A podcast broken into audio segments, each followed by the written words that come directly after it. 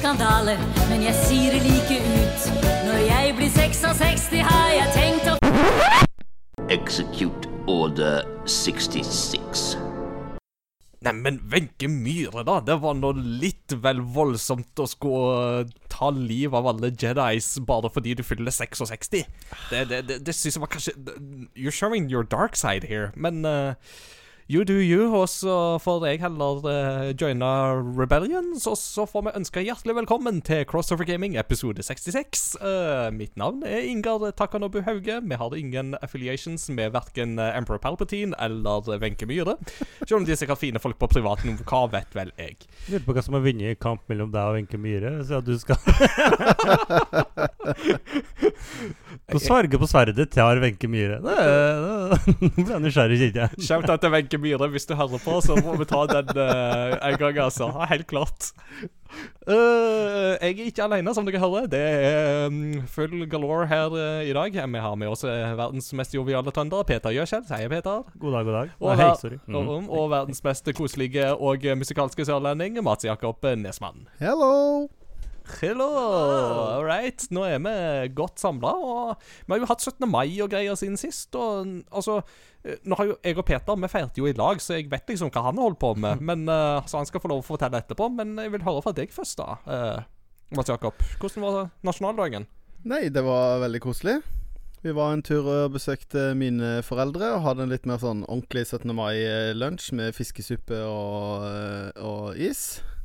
Mm. Eh, det er ikke det letteste i verden å ha med to små gutter på en litt form formell lunsj, men, men eh, de spiste nå, smakte nå på suppa iallfall, og spiste mye foccaccia.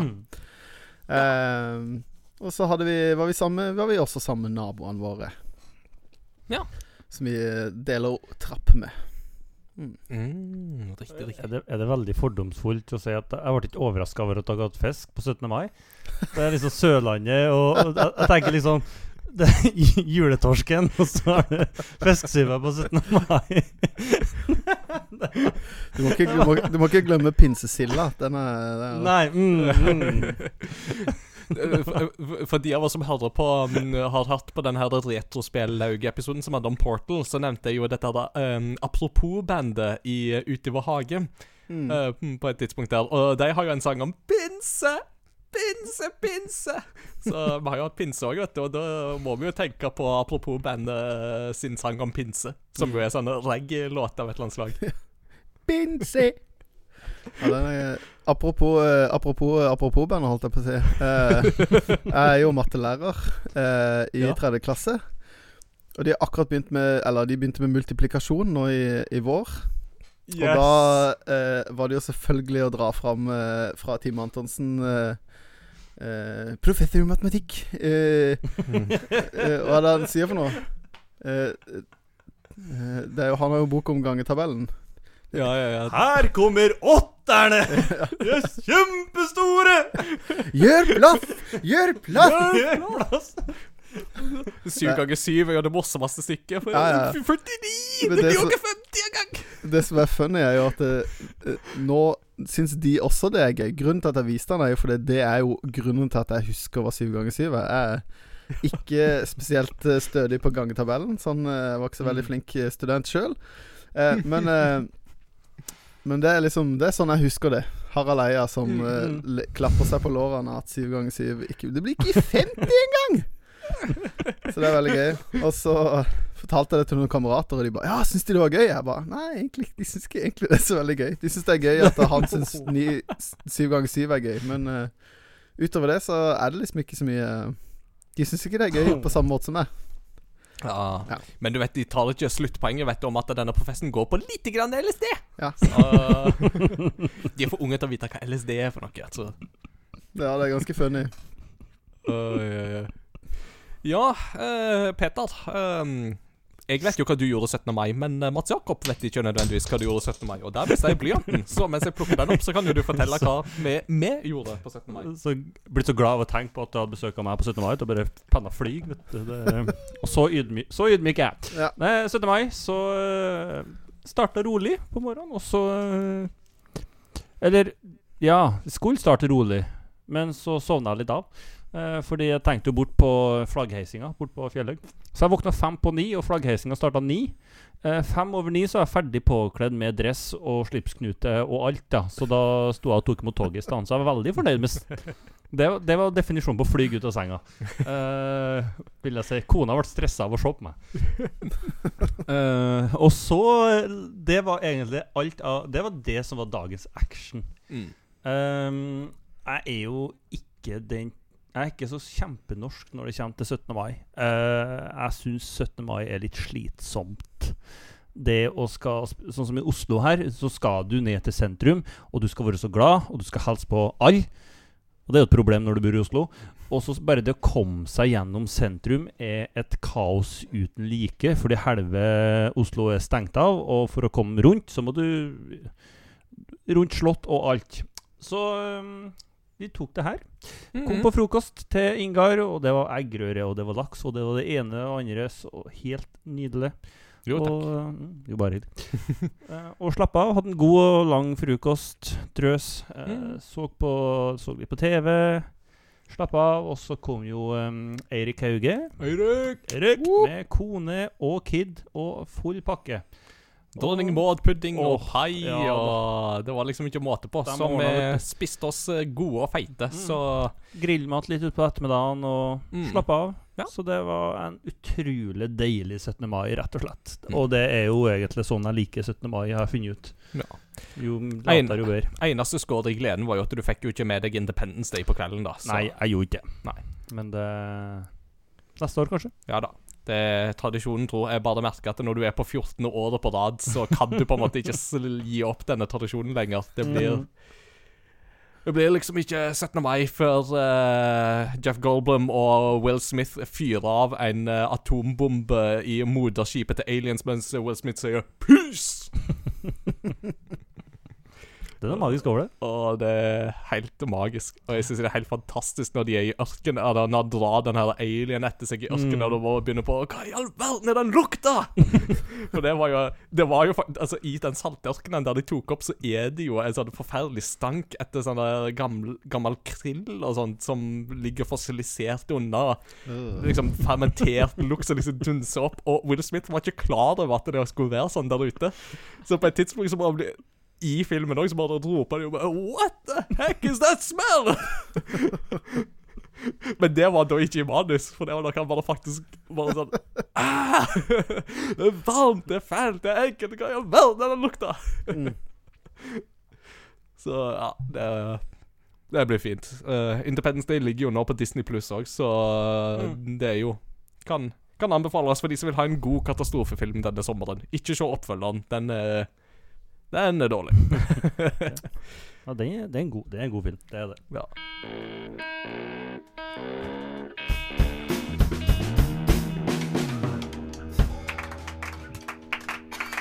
Ja. Eh, himmelsk lyd fra ungdommene. Eh, nå er det ukens kunngjøringer. Nå, vet du, som eh, mai-juni-skiftet nærmer seg, så begynner det å skje ganske masse på spillefronten. Så vi får ta det litt kjapt, for det er en del ting å gå igjennom. Men det er veldig mye ting som er av interesse. Det skjer mye på 14 dager. Oh yes, definitivt. og det som er greia, er jo at nå i kveld så kommer jo òg Guerrilla Games til å vise litt mer fra Horizon Forbidden West. Uh, så mens vi tar det opp, så viser de mer av det. Uh, så det får vi ikke snakke om nå, men uh, det er sikkert ferske, fine nyheter. Kanskje vi har fått en lanseringsdato òg. Det hadde vært gøy. Um, Først så går vi til The Legend of Zelda Skyward Sword HD, eh, som jo er en tittel som jeg tror iallfall to av oss ser fram til. Kanskje til og med Peter òg eh, lenger seg på den. Eh, Ja. ja, ikke sant? Mm. Det spillet får en quality of life improvement, som du da må ha en Amibo for å aktivere. For i det spillet så er det jo sånn at du kan Altså, du kan reise mellom på en måte under sky, verden under skyene og verden over skyene. Og for å ta den transportetappen så må du vanligvis til en sånn lagringsstatue, og så trykke 'jeg vil opp' eller 'jeg vil ned', og så fyker du opp og ned. Eh, nå kommer det en funksjon som lar deg reise rett opp til basaren oppe i Skyloft når som helst, eh, og teleportere tilbake der du var på bakkeplanet etterpå. Men for å bruke den funksjonen, så må du ha en Amibo. Eh, en spesial Amibo som kommer til Skyward Sword.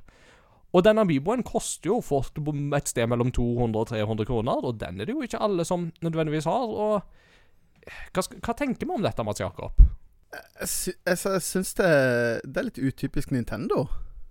Jeg syns ikke de har pleid å være så gjerrige på sånne ting. De har jo alltid eh, Når de har kommet med noe som på en måte spillet krever, som for eksempel Til og med bare Mario Party til Switch eh, hadde en bundle med to ekstra joycons, sånn at du kunne spille fire player. For du kan bare Mm. bruke joycons i det spillet. Og Skyward Sword kom jo opprinnelig med en Motion Plus-kontroll, eh, sånn Mm. at du skulle kunne spille spillet. Så jeg, jeg sier ikke at Nintendo aldri har gjort noe sånt før, men jeg syns det er litt sånn utypisk Nintendo, da. Å gjemme noe som er eh, Høres ut som er egentlig ganske essensielt for å spille det spillet på nytt. Og ha en bedre opplevelse, da, hvis folk ikke hadde den gode opplevelsen første gang. Så er det jo litt dumt. Den burde jo ha kommet i med spillet, Mm. syns jeg. Ja. Jeg syns jo at for ettertidens skyld så burde jo dette vært en funksjon som er tilgjengelig for alle. Sånn at Mm. alle som spiller det spillet, faktisk får den øh, forbedringa. Um, og sjøl også tenker jeg at dette er jo et spill som de tar full pris for i utgangspunktet. Og Mm. virker på en måte som at mengden med endringer og forbedringer er ikke liksom all verdens store.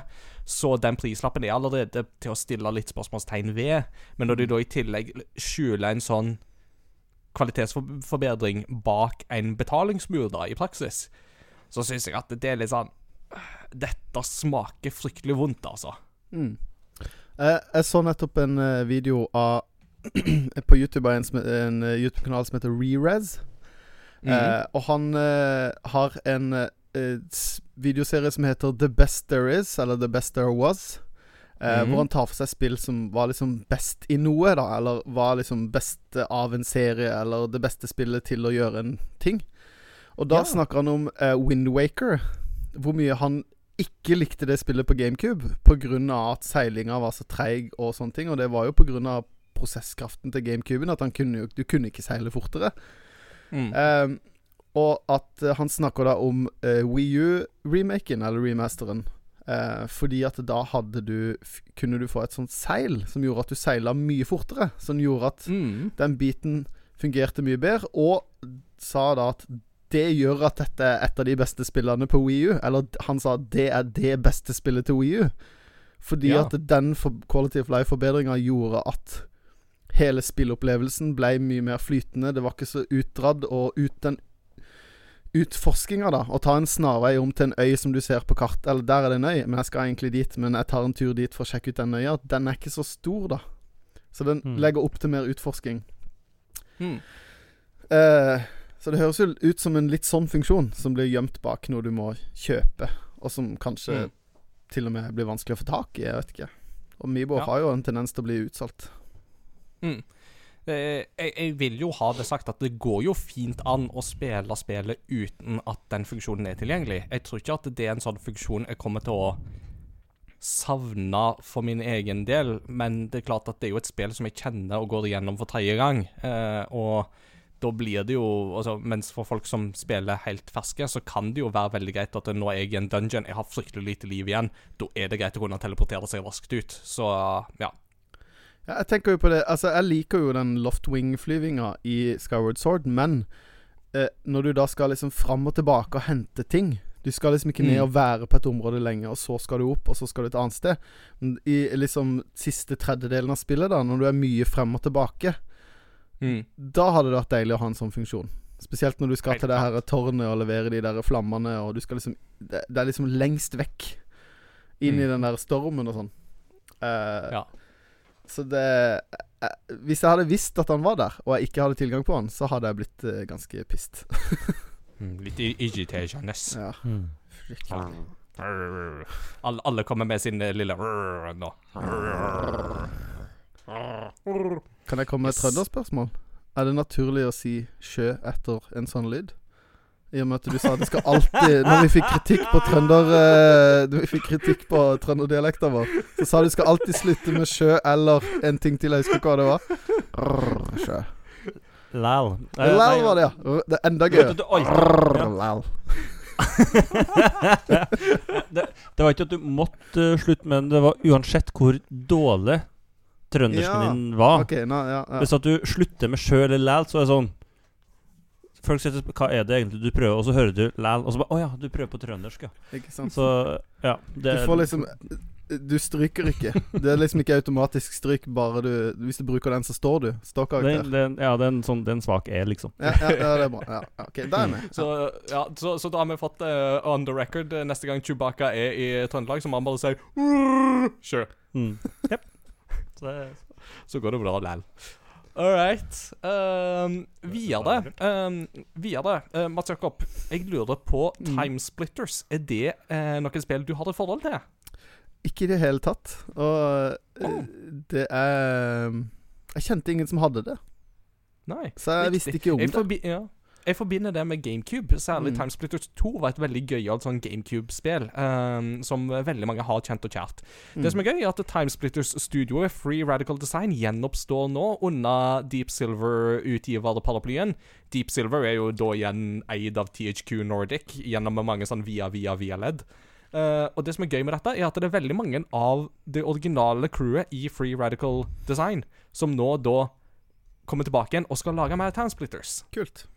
Så det blir veldig spennende. Om det blir remakes av eh, de gamle spillene, om det blir noe helt nytt og sånt, det vet vi på en måte ikke ennå. Men eh, det blir sannsynligvis noe mer Timesplitters i overskuelig framtid, og det syns jeg er veldig gøy. Kult. Så ja.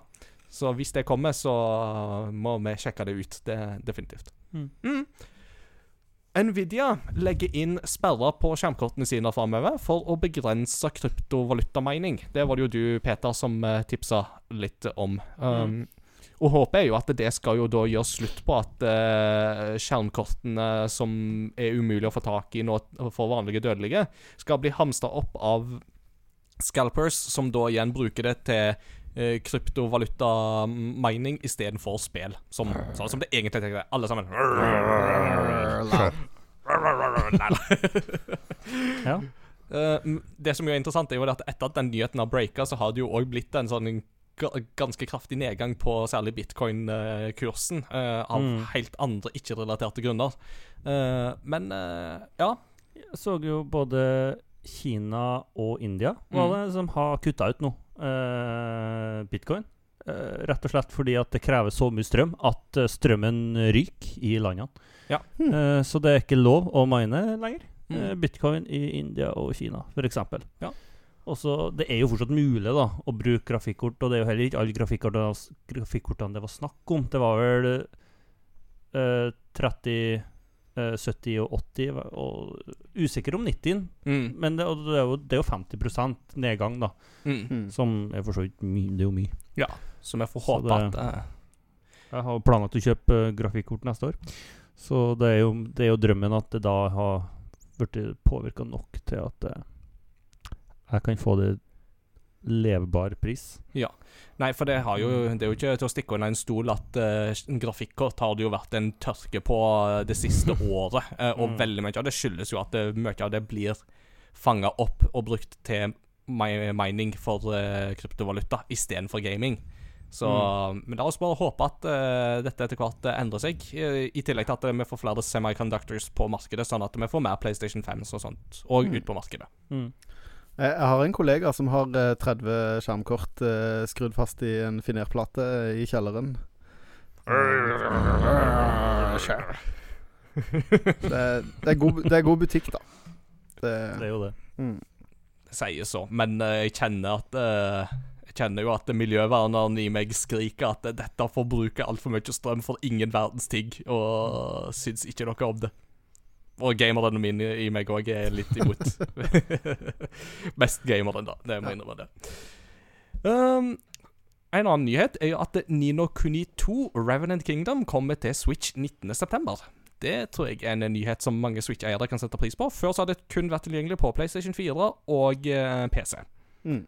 Eh, og det kommer da med disse to DLC-ene som òg var i det spillet. Jeg koste meg veldig med det eh, da det kom ut. Ikke minst dette her eh, kongerikebygge-minispillet som uh, er med der, som jeg en gang håper blir et eget standalone mobilspill på et tidspunkt, for det var ekstremt zen å spille. Mm. Så Kult. yeah. Mm. Eh, Injustice, Gods Among Us, er en uh, superheltkampspillserie. Uh, nærmere bestemt utvikla av Netherrealm uh, Studios, uh, Netherrealms, som jo er de som har skapt Mortal Kombat. Eh, det er jo deres take på um, DC-universet, med en alternativ historie der Supermann eh, basically blir en ond despot. Eh, jeg skal ikke avsløre hvorfor, men det er en fryktelig bra alternativ DC-historie, og kjempegøy å se Supermann i den rollen. Det skal nå bli til film. Fett. Og det tror jeg blir veldig veldig fett. Så det eneste vi da òg ber om i samme slengen, er at de lager en Supermann-film basert på tegneserien Red Sun, der Supermann Mm. lander i uh, Sovjetunionens Ukraina istedenfor i Kansas, og blir dermed Sovjetunionens forsvarer. Jeg må ærlig innrømme at jeg leste litt fort, så jeg leste Among us blir film, og det var sånn OK. Det blir jo spennende. Ja, men jeg tror Ja, men hold deg fast. Jeg tror at mange skal bli film. Det, jeg blir jo ikke overraska, men altså Det er ganske mange filmer basert på spill som er på vei. Eh, Blant Mm. annet så kommer det jo en trilogi om Tetris. Så Jeg føler den stillheten sa sitt. Og dere skulle sett blikkene her nå, kjære lyttere. Da, det var Det er jo litt sånn som Angry Birds òg, som ble film. Ja. Det, hvor mye kan det være om fugler som flyr? Altså til, For å gå Angry Birds i forsvar, det var ikke derfor jeg rakk opp hånda, men uh, min kone tok med seg min eldste sønn for å se Angry Birds 2 på kino. Og de lo Mm. i halvannen time. Begge to. Ja. Så det Mm. Hvis du liker slapstick, så liker du Angry Birds. Ja, Ok. Eh, men eh, det andre jeg skulle si, var at uh, i går så uh, drev jeg og skulle se på film, og så uh, kikka inne på Apple TV-en på leie- leie-kjøp-greia. og da så jeg at det går an å kjøpe eller leie Mortal Kombat, den nye filmen. Og den eh, Da gjorde jeg en avtale med min Jeg har eh, eh, Håkon eh, Tønnesen. Håkon! Uh, Håkon! Shout-out. Han Yes. eh, er min sånn eh, eh, Vi har hatt en greie om å se dårlige actionfilmer sammen. Og vi har blant annet har sett de Mm. originale Mortal Kombat-filmene sammen.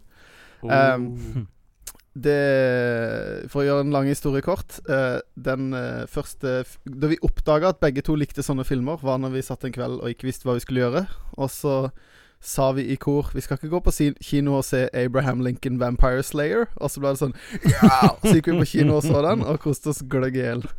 For øvrig en fantastisk film. Men eh, da avtalte jeg med han ja, for avtalte jeg med han å se den eh, eh, filmen sammen, så jeg klarte å holde meg. Men eh, den ser Traileren virker sykt lovende. Ja. Jeg syns Mm. den virker Det er jo kjempe det. Den later til å Skjer. bli en god film, altså. Den ser skamtøff ut. Ja. Mm, de, de, de sier jo det at det er på ingen måte liksom en eh, knallgod film, men det er en bra dårlig film. Uh, Ja, altså, ja. Den er liksom sånn eh, Altså, den, den er kjempeunderholdende til å ikke være en god film, Ja. eh, og kan sånn sett anbefales. Nei, men altså, for min del, selve storyen trenger faktisk Eller, Og dere der, det trengte å være så viktig, men hvis jeg får de ordentlig gode kampscenene Mm. som jeg vil ha i en Mortal Kombat-film, så, er det litt- så er jeg fornøyd. Det er litt sånn Ja. som uh, når du snakker om eh, Godzilla. Mm. Filmen altså, Ja, filmen er kanskje dårlig, men når du får det brølet, Mm. så kjenner du at bare Vet du hva? Jeg har det bra. Ja, Det Ja. går fint. ikke. Får jeg så gode kampscener som jeg drømmer om, så går det helt Det- fint for min del. Altså. Den skulle du og meg sett i lag, Peter, en gang. Ja, jeg vet Det, det. ja, det skulle vi gjort. Vi sender konene på døra og ser uh, Mortal Kombat. Eh, så Nei, det, det men eh, det, det, ja. Så lenge jeg får på en måte en film som ikke er sånn 90-talls dårlig à la originale Mortal Kombat eller Street Fighter The Movie De er jo gøye i seg sjøl, men, men de er jo gøye fordi de er dårlige. Så lenge, men, men så lenge det er på en måte en en god nok film til at de, du ikke sitter og skulle ønske at de hadde ja, ti kroner mer i budsjett til sminke. eh, men du får de her cheesy replikkene og litt sånn derre callbacket til litt sånn klassiske actionfilmer. Det er over the top og Altså, Åssen kan det ikke være over the top når du har en fyr som kan produsere uh, is? Og det er jo Traileren, slu, traileren slutter jo med at Finish him. Scor nei, Scorpion sier 'Get over here!' Get over here! Mm. Og da blir det sånn Woo! Du forventer at han fyren skal komme inn på sida si sånn 'Toasty!' Ja.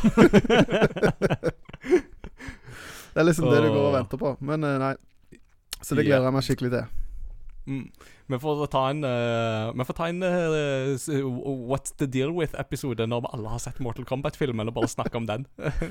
Ja. Så får vi ha det som en spin-off. Mm. Veldig gøy. Jeg. Eh, vi må videre i eh, nyhetssegmentet. Det var Injustice Gods Among Us som blir film. Um, vi tar et par sånne små ting som er annonsert, eh, før vi tar liksom den siste store nyheten. Eh, rykter om Final Fantasy Origin eh, begynner nå å spinne, som da skal være en spin... Eller en sidehistorie eller spin-off basert på første Final Fantasy. Utvikla av Team Ninja, som har laga Neo-spillene. Neo er jo da litt sånn Dark Souls-inspirerte spill igjen. Og man regner jo da med at det blir et sånn type Final Fantasy action-spill av et eller annet slag. Eh, Team Ninja var òg med på å utvikle Decidia Final Fantasy NT på PlayStation 4, som var et sånn tre mot tre slåssespill. Eh, Som dessverre ikke gjorde det så veldig bra, men eh, ja, det kan, hvis det holder disse ryktene, så kan det bli spennende å se. Vi hadde nok fått et par lyttere på nakken hvis vi ikke hadde tatt med at Victoria 3 er blitt annonsert av Paradox. Det er da oppfølgeren til Victoria 2, som er en sånn grand strategy game, som kom i 2010 i sin tid. Um, og jeg har jo da skjønt at uh, liksom uh, Victoria 3 Confirmed er liksom litt sånn strategispillenes sva svar på Half-Life 3 Confirmed. Så alle memes uh, går nå dukken, for nå er det faktisk annonsert. Så um, vi får ta oss og invitere en av våre lyttere en gang for å snakke om disse Paradox-spillene, tenker jeg. Det hadde vært sjukt gøy. Ja, det for det er, en sånn ting som jeg, det er en sånn ting som jeg er fryktelig interessert i, men jeg kan ingenting om, fordi at det er så store spill at jeg jeg, jeg, jeg blir sliten bare av å tenke på å sette meg inn i de. Mm. oh, yeah. Så får vi se hva som er me- mest frimodig denne gangen. Ja, ja, ja. Det setter vi pris på. Ballen er herved spilt. Eh, vi har òg fått noen Pokémon-datoer. Pokémon Brilliant Diamond and Shining Pearl slippes 19.11. på Switch, mens Pokémon Legends Arceus kommer 28.1. til neste år på Switch. Så både november og januar slash februar blir da gode Pokémon-tider for de som er glad i det. Mm. Og da er du kanskje ferdig og har gjort alt i New Pokémon Snap, så det passer jo veldig greit. Uh, I tillegg så ble det vel i går, i natt, slash i dag morges, annonsert at Dragon Quest 12, The Flames of Fate, er annonsert. Uh, I tillegg så kommer det en uh, remake av Dragon Quest 3 eh, i sånn Octopath Traveler-lignende stil. Det ser Mm. gorgeous ut, by the way. Og på toppen av det hele så har de annonsert Dragon Quest 10 offline for Japan. Men kanskje vi kan få det her i Europa òg. Dragon Quest 10 var jo et MMO på Wii i sin tid, som kun ble lansert i Japan. Eh, men Dragon Quest-spillene har jo blitt såpass populære i Vesten de siste årene at det er jo kanskje en sjanse for at dette offline-spillet kommer ut i Vesten òg. Vi får krysse fingrene og håpe på det. Mm. Eh, er dette Dragon Quest-spillet annonsert til Japan nå? Eller er det annonsert at det kommer til hele verden samtidig? Uh, Dragon Quest 10 offline er foreløpig bare bekrefta for Japan. De to andre spillene, uh, altså Dragon Quest 12 og remaken av Dragon Quest 3, f- har jeg fått inntrykk av at det er internasjonale lanseringer. Ja, kult. Ja. For det har jo Der vært finnes jo, ja, der fins det jo allerede oversettelser av Dragon Quest 3, uh, så Ja. For det har jo blitt gjenutgitt litt her og der. Ja, for det har jo alltid gått litt tid fra Jeg husker jo Ja, bare når Dragon Quest 11 kom, og Nino Kuni når det kom, at det tok litt tid før Før det kom til Vesten. Mm. Mm. Så det er egentlig bare den Dragon Quest 10 offline som ennå ikke er bekrefta noe, men uh, vi Ja. får vente og se. Det kan hende uh, Hvis vi ber pent, så hører de kanskje på oss. Mm. Siste store nyhetssak. Eh, det har vært en stream om eh, Overwatch 2, eller Over to Watch, som noen av oss liker å kalle det, pga. på grunn av et bilde. Eh, og um, det som er den mest spennende nyheten der En ting er at vi har sett veldig mange nye kart som ser gorgeous ut. Mm. De ser så lekre baner ut. Jeg gleder meg allerede til det. Ja. Men den store nyheten er at Overwatch 2 vil gå ifra å være seks mot seks til å bli fem mot fem. Eh, og det vil da si at man får da to DPS, altså to som uh, gjør skade, to healere og én tank. Så det er da på tank-sida at det, det da kuttes én rolle. Og Peter, det er jo du og meg som spiller Overwatch mest her av oss tre. Uh, mm. jeg, jeg har ikke snakka med deg om dette ennå, sånn i veldig stor grad. Hva tenker du om denne endringen? Altså, jeg tror Altså, jeg tror jeg, jeg er egentlig po jeg er positiv til det. Uh, det er ganske Altså Jeg håper det får vekk en del skjold, i hvert fall. Uh, Det for det er jo noe av det mest frustrerende når du kommer rundt i et hjørne og skal ta et punkt, og der har du uh, i hvert fall tre skjold kan du jo få på et lag. Og så har du best igjen i bakgrunnen, da, som står og blaster som bare juling. Eh, så jeg håper at det får ned det, og så kanskje uppe antall kills. Og du må, du må jo tenke mye mer taktikk, da. Mm. Uh, når du mister så mye um, treff Eller du, uh, så mye å gjemme deg bak som en tank kan gi, da. Ja. Så jeg tror det blir veldig spennende. Det, det er litt sånn vanskelig å si før man egentlig får testa skikkelig. Det, det er akkurat det. Dette må testes før vi kan felle en dom over det. Mm. Det er jo, Veldig mange er jo naturlig nok skeptiske.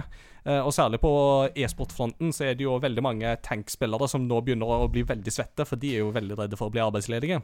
Eh, og det Mm. skjønner jeg jo veldig godt. Men som de Altså, da Overwatch 1 ble lansert, så kjørte de jo seks mot seks-formelen fordi de følte det var det som ga best balanse i spillet. Og det som òg gjorde det lettest for folk å komme inn i spillet. Eh, og etter hvert som Overwatch har blitt større, så føler man kanskje at den balansen har forsvunnet litt, og at det er den man ønsker å komme tilbake til. For man ønsker at Overwatch 2 skal være et tilgjengelig spill. Mm. Um, og jeg tenker at det er en posisjon som jeg støtter veldig opp om, for det var jo det som gjorde at jeg ble glad i Overwatch i sin tid, var jo det at det var så tilgjengelig sammenligna med lignende spill som var veldig sånn online konkurranseprega, som League of Legends eller Dota eller sånt, som er så kaotiske til tider at jeg skjønner jo fortsatt ikke bærer det. Eh, jeg skjønner når folk blir glad, og at det var en god ting. Jeg skjønner ikke nødvendigvis hva de gjorde, men Mm. ja. Uh, uh, men med Overwatch da, så har jeg liksom alltid følt at de har mestra den balansen der da, mellom å ha et konkurranseprega spill på den ene sida, men ha tilgjengeliggjøringer på den andre sida. Mm. Mm. Men så har jo Overwatch vokst siden den gang. Uh, Ja, ja. Og jeg tenker det at uh, nå vil jo da en del helter, særlig da tankhelter, bli endra litt på som følge av uh, dette her. Og så tenker jeg at uh, vi får bare spille det, og så får vi se om det funker. Eh, Mm. Mitt trekkplaster til Overwatch er, 2 er jo fortsatt at vi skal få mer historie, mer law, mer eh, PVE. Og det er jo ting som jeg alltid har skreket etter og venter på. Det er jo et så fascinerende univers som vi fortsatt vet så lite om. Eller eh, det er fortsatt mye vi ikke vet. Så yes. Så jeg, eh, jeg holdt på å si, litt skeptisk, men ikke negativ, er min take på dette. Jeg gleder meg. Ja. Time vil show, som Yep. Rudolf, Rudolf Burrostumoen ville sagt det. Mhm. Alright. Det er jo egentlig en litt sånn passende overgang, eh, akkurat eh, dette her, eh, med tanke på dagens tema. For i dagens tema så skal vi snakke om dette med gode spill. Rett og slett spørsmålet hva er det egentlig som kjennetegner et godt spill? Hva er det som gjør at et spill skiller seg positivt ut for oss, og som gjør at Altså, hva er det vi er på jakt etter når vi skal jakte på den gode spillopplevelsen? Og lete etter et spill som går ifra å være Ja, det er et greit spill, til å være liksom Det er et kjempebra spill, eller det er liksom mer enn bare OK. Hmm. Det skal vi snakke litt om i dag. Vi skal høre fra lytterne òg om dette. Veldig mange spennende svar.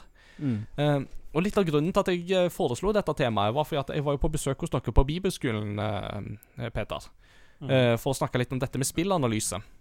Og det er klart at som spillanmelder for Game Reactor, så må jeg jo tenke på hva er det egentlig som gjør at et spill går ifra å være f.eks. en seks av ti eller en syv av ti, til å nå høyere tall på den skalaen. Mm. Eh, nå er jo riktignok en sånn skala alltid til syvende og sist en subjektiv mening, men det vil likevel være kriterier man kan vektlegge, argumentere for, og så derav trekke konklusjonen. Uh, det er sagt Det er jo ikke gitt at det er den eneste måten å jobbe med en spillanmeldelse på, men det var liksom min måte å jobbe på i veldig korte trekk. Mm. Så um, jeg vil liksom spille ballen litt åpen her nå, og tenke kanskje til Kristiansand. Ehm, det er fortsatt sol og varmt ute, ser deg um, ut uh, garasjedøra di, så Men det har ingenting med saken å gjøre. uh, men uh, hva tenker du, Mats Jakob? Hva er det for deg som kjennetegner et godt spill? Uh, altså, det aller første kriteriet for meg, og det er jo litt sånn som det er med spill for meg nå, at et skikkelig, skikkelig godt spill som fanger meg skikkelig, det er et spill som får meg til å spille det, selv om jeg ikke har energi til å spille det. Skjønner du hva jeg mener? Mm. At Mm. eh, når jeg egentlig bare har lyst til å være passiv og se på TV, så plukker jeg likevel opp kontrollen fordi at jeg må bare spille det til, eller jeg må vite hva som skjer, eller den, eh, den delen der, da. Det er liksom Da er det et ti av ti spill for meg. At jeg ikke klarer å legge det framme. Eh, og Mm, den mm. lista er blitt høyere og høyere og høyere, og blir bare høyere. For jeg får ikke mer energi. Eh, eh, sånn at Det er liksom første Det er for toppen, da.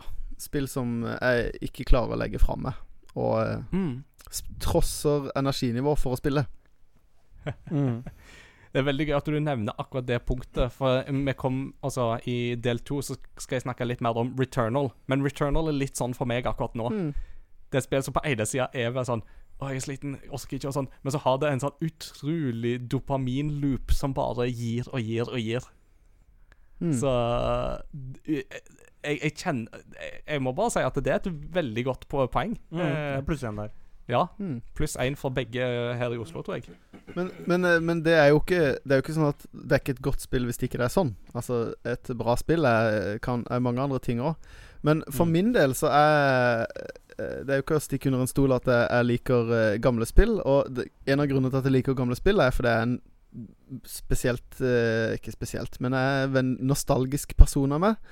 Mm. Og hvis et spill klarer å trykke på en av de nostalgiske knappene Og det trenger ikke være et gammelt spill. Men eh, nå sitter jeg jo og Jeg har spilt eh, brukt veldig mye tid på Golf Story, f.eks. Det trykker på de her nostalgiske knappene hos meg, som gjør Mm. at eh, At eh, det hever spilleopplevelsen for meg, da. Det må ikke være pixel art for at jeg skal kunne like det sånn, men f.eks. når jeg eh, når hvis, hvis jeg plukker opp et Zelda-lignende spill, så trykker det på veldig mange sånne gode rosenrøde eh, knapper hos meg. Eh, Mm. Som gjør at eh, jeg har mer lyst til å spille det. Eller det er lettere. Men det har også litt med sånn gjenkjennbarhet. At jeg føler at det ikke, alt er ikke nytt og eh, Og sånne ting. Eh, så for meg så er, handler det litt om Klarer det å på en måte eh, gi meg noen assosiasjoner til andre ting som jeg liker godt. uh, Mm. Da Det hjelper. Og i det siste så har jeg hatt uh, god suksess med å stå opp uh, tidlig i helga. For det guttene mine de klarer seg sjøl på morgenen. De står opp tidlig. Så jeg kan enten sove lenge, eller så kan jeg koke meg en, en liter kaffe og sette meg ned og spille på TV-en nede. Og få den der lørdagsmorgen, stå opp tidlig og bare game i noen timer. Åh, Og da er det treng... Det er, det er helt fantastisk. Men da er nesten Ja. den følelsen viktigere enn at spillet er bra. på en måte. For det, det, det, på en måte det, det er jo jakten etter den der nostalgiske følelsen, da. Ja. Eh, og jeg så et bilde eh, på Om det var på Instagram eller Facebook, hvor, eh, hvor det var et, en som eh, En som hadde bilde av seg sjøl som hadde fått Nintendo til jul, og bare hadde det ekstreme gliset. hvor, hvor det bare sto 'Jeg jakter fremdeles på den følelsen'. Og jeg kjente meg så sykt igjen i det. Den der eh. Eh, eh, ja, det ypperste for meg der er når jeg fikk Ocarina of Time. Det, eh, den Ja. følelsen der, den kan ikke gjenskapes. Nei. Men eh, jeg skal pinne meg prøve. Jeg skal ha for innsatsen. Ja. Ikke sant. Er det, er det denne her drømmen om den tapte barndom som på en måte er en sånn drivkraft i, i gaminga òg? For det, jeg, jeg kjenner det jo sånn sjøl når jeg har Altså, ikke bare før jeg har bikka 30, jeg har jo alltid vært en gammel mann til sinns, liksom, og sånt. Men, uh, altså, men, men det er jo det er jo uten tvil at en, en nostalgi er en stor drivkraft som definitivt er, er en pådriver i, i spillbransjen, og særlig i filmbransjen de siste ti årene. Så har vi jo sett nok av reboots av gamle franchiser, som jo nettopp spiller litt på den der jakten på den tapte barndomsgleden. Mm. Uh, For jeg, jeg har tenkt på det ikke nødvendigvis i det siste, men det er en sånn tanke som slår meg i ny og ne. Fordi at eh, eh, det er jo ikke de nyeste Det ikke det nyeste, kuleste som på en måte engasjerer meg med spill. Så det en tanke som har slått meg flere ganger om Hvis jeg hadde ikke hatt en spillbarndom, om jeg hadde egentlig vært en gamer, på en måte. For det, eh, det er ikke liksom det nye kule Eller sånn Returnal høres kult ut, men det får meg ikke til å kjøpe en PlayStation 5 for 10 000 på Finn og for å spille det spillet. Det er ikke sånn på død og liv eller å bruke masse penger på en PC for å spille nye, fete spill. Eh, Så det er en tanke jeg har tenkt på om, om eh, Hvor stor er den der nostalgiske drivkraften for meg, da, egentlig? Eller er, er det den som virkelig driver det? Eh, men så finner jeg litt av den gleden av å spille med mine barn òg, som syns at det er skikkelig gøy. Og det, var skikk det er skikkelig gøy å hjelpe eh, eldstemann til å spille Han har jo runda 3D World, Mario 3D World. Eh, ja, det hjelper veldig den der hvite Tanuki-drakta som gjør at du ikke kan dø, med mindre du hopper av banen. du kan bare løpe i alle fiendene. Eh, men han bryr seg jo ikke om det. Han skjønner jo ikke at det er juks. Mm. Han er bare sånn Yes, jeg fikk den hvite drakta! ja, den, den blir plassert der når du har dødd ti ganger, så det, great job. Men eh, Die, trash, die. ja, ja, det er litt sånn Evig stjerne. Mm. Uh, ja. Jeg er litt nysgjerrig på hva dere eh, tenker mm. om eh, det samme. Nei, altså, tenk på, altså, Jeg har jo sittet og spilt Russian Clank i det siste. Ja. Mm. Og det er, jo, det er jo mye av det samme Altså går jo rett tilbake når jeg satt på soverommet til søskenbarnet mitt liksom, og spilte på PlayStation 2. 2? Mm. 2? 2? Mm, 2. Uh, og liksom dere, he hele den følelsen der, uh, mm. som jeg syns de har fått det utrolig bra mm. uh, på, i det spillet. og det er liksom den gleden Eller, altså, eller Age of Empires, da. Mm. Altså, du blir jo godt humør når du hører All hail king of the losers! Det, It's good to be the king. Altså, du sitter og flirer her. Det, altså, du kjenner igjen det. Liksom, du, du blir i godt humør. Mm. Det er og det, jeg er fryktelig glad. Mm. Eh, så det er pluss én der òg. det som er, jeg har funnet ut eh, som voksen at jeg, jeg er jo egentlig en litt utålmodig gamer. eh, Ja. Kan være. Og det har jo Så jeg, hvis det er mye snakk, så syns jeg det da liksom nå, nå, nå, nå, må vi få litt fortgang her, og det var jo på en måte skjebnen når det kom til ah, Jeg tror jeg glemte navnet på det forrige gangen òg. Cowboy! Red Dead Red Redemption. Dead Redemption 2. Det gjorde stort inntrykk, skjønner du. Det, det, mm, mm. For da, altså, det var jo um, For jeg spilte jo det rett at jeg spilte Assassin's Creed Odyssey. Og den lutinga der Jeg holder jo på å gikk på vei Det, altså Jeg, jeg vil ikke si at jeg raga, men jeg, jeg, jeg, jeg kjeder livskiten ut av meg. Mm. Og det er så trist, for jeg vet at det er et himla bra spill. Mm. mm. Ehm, så jeg, jeg er ikke tålmodig på sånne spill. Mm. Uh, for at det skal være eh, bra, så det trenger ikke å være virkelighetsnært for fem flate øre. Uh, Mm. Litt, rann, det er kjekt, liksom, så at du, du Ja. Men akkurat sånne ting hvor du, du, du, du vil gjøre det, for det, det gagner spillet så gærent. Du, du finner mye lukrativt ved å ta deg tid til å lute. For jeg vil gjerne lute alt. Mm. Eh, hvis jeg først har muligheten til det. Jeg bruker jo himla lang tid på spill. Ser jeg et spørsmålstegn på et kart, jeg må dit. Det, det er jo krise i Witcher 3, liksom, men Ja. sånn er det. Eh, og sammen med looting. Eh, jeg, vil, jeg, jeg vil finne alt. Mm. Og da kan ikke du holde på å sjekke eh, 13 lommer per lik. Det, så fortgang, og så Ja, Mm. his, historie er jo viktig, da. Ja. Mm. Eh, jeg tenker litt med tanke på dette her som du sier med, ikke sant, med Ratchet and Clank, eh, liksom gode barndomsvibber og sånt, og du Mm. snakker om dette med liksom gode barndomsvibber og sånt. Og det er klart at eh, nostalgi spiller jo absolutt en stor rolle, men på den andre sida så er det jo ikke alltid sånn Altså, sjøl spill vi spilte i barndommen, så kan vi jo si at uh, noen spill var bedre enn andre. Mm. Uh, altså, Ratchet and Clank gir folk flest en bedre assosiasjon enn Tide Tasmanian Tiger. Nei, eh, altså, ikke fordi at thai er dårlig, Nei, eh, men det er ikke så veldig altså, bra. Nei, men, men altså men, men, det er ikke li... Altså, de fleste vil være enige om at det, det er ikke like bra som Ratchet and Clank, iallfall. Så Ja, ja, jeg ser det. Eh, mm, men, men, men hva er det som skaper det skillet, da? Altså, fordi at Selv i gamle dager så var det jo spill som var Folk flest var enige om at det var kjempedårlig, mens Mm. andre spill var gode. Eh, og eksakt hva er det som skaper det skillet, da? Det er jo Altså, Du nevner jo det med historie, for eksempel, er jo definitivt en viktig faktor for Mm. for veldig mange. Uh, og det er jo definitivt For meg så er jo det en kjempeviktig poeng. Uh, men uh, hva tenker du, Mats Jakob? Nei, jeg tenker jo at det er jo flere lag her, da. Du kan jo Mm. begynne på toppen og si at budsjett Mm. har jo mye å si, ikke sant? Eh, fordi at eh, jeg ser for meg at uh, Ratchet Clank hadde et større budsjett enn det Tide Tasmanian Tiger hadde. Eh, og eh, budsjett påvirker f.eks. Uh, kontroll. Mm. Har de tid til å fintune kontrollen? Ikke sant? Er kameraet bra? Det er Mm. sånne ting det, det, I mitt hode så er det sånn Det er sånn budsjetting. Det er ikke passion på en måte på samme måte eh, som eh, Som for eksempel eh, art design eller banedesign på, på den måten, da. Mm. Uh, så det er jo sånn tekniske ting. Litt sånn der Nesten sånn administrativt, på en måte. Ja, ja. Eh, og, og da har du jo, ikke sant Hvis du skal ned på 8-bit Nintendo, så har du jo spill som er direkte uh, uferdige. Uh, og det har vi jo nå òg, men du kunne jo ikke patche de da. Så det var, solgte de det mm. uferdig, så var det uferdig. Uh, Mm. Og da, da får du jo ikke en god spillopplevelse med mindre du er på jakt etter å spille et eh, legendarisk dårlig spill. At det er på en måte den gode spillopplevelsen. Noen jakter jo de òg. Ja, ja. Mm. Men, eh, men eh, altså, jeg syns jo kontroll er jo superviktig. Det er jo en grunn til at Mm. Mario er Mario, og ikke Mm. Ja, ja.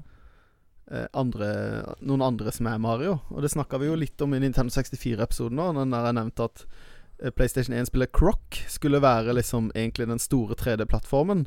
Og så Mm. er den store, hva skal jeg si eh, eh, eh, Jernkula og lenka rundt beinet der er jo at eh, det er jo ikke 3D, flytende 3D-kontroll. Ikke sant? Det er jo tank controls, som det så fint heter.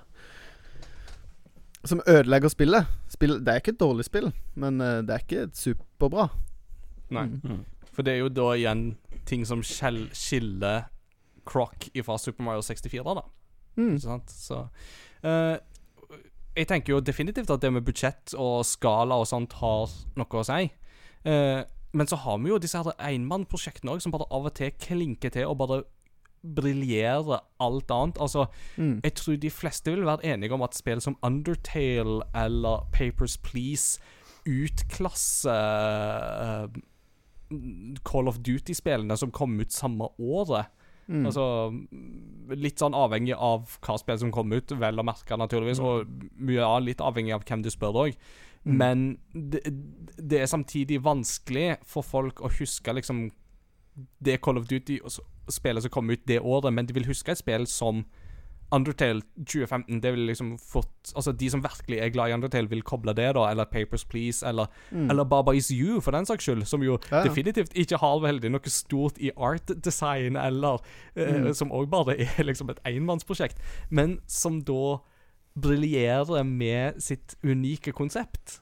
Mm. Ikke sant? Mm. Og som bare er så ekstremt godt gjennomført med tanke på det konseptet, at Mm. eh, håndverket rett og slett er en fryd, da. Um, Og jeg, eller liksom sånn, spør du meg om jeg helst vil spille Baba Is You eller uh, Call of Duty Modern Warfare-rebooten som kom det året, så var det sånn Jeg har spilt Call of Duty-rebooten, og den var helt grei, den, men jeg vil heller tilbake og spille Baba Is You. Uh, Mm. men, men, men det er meg, da. Al altså, mens for andre så kan det være stikk motsatt.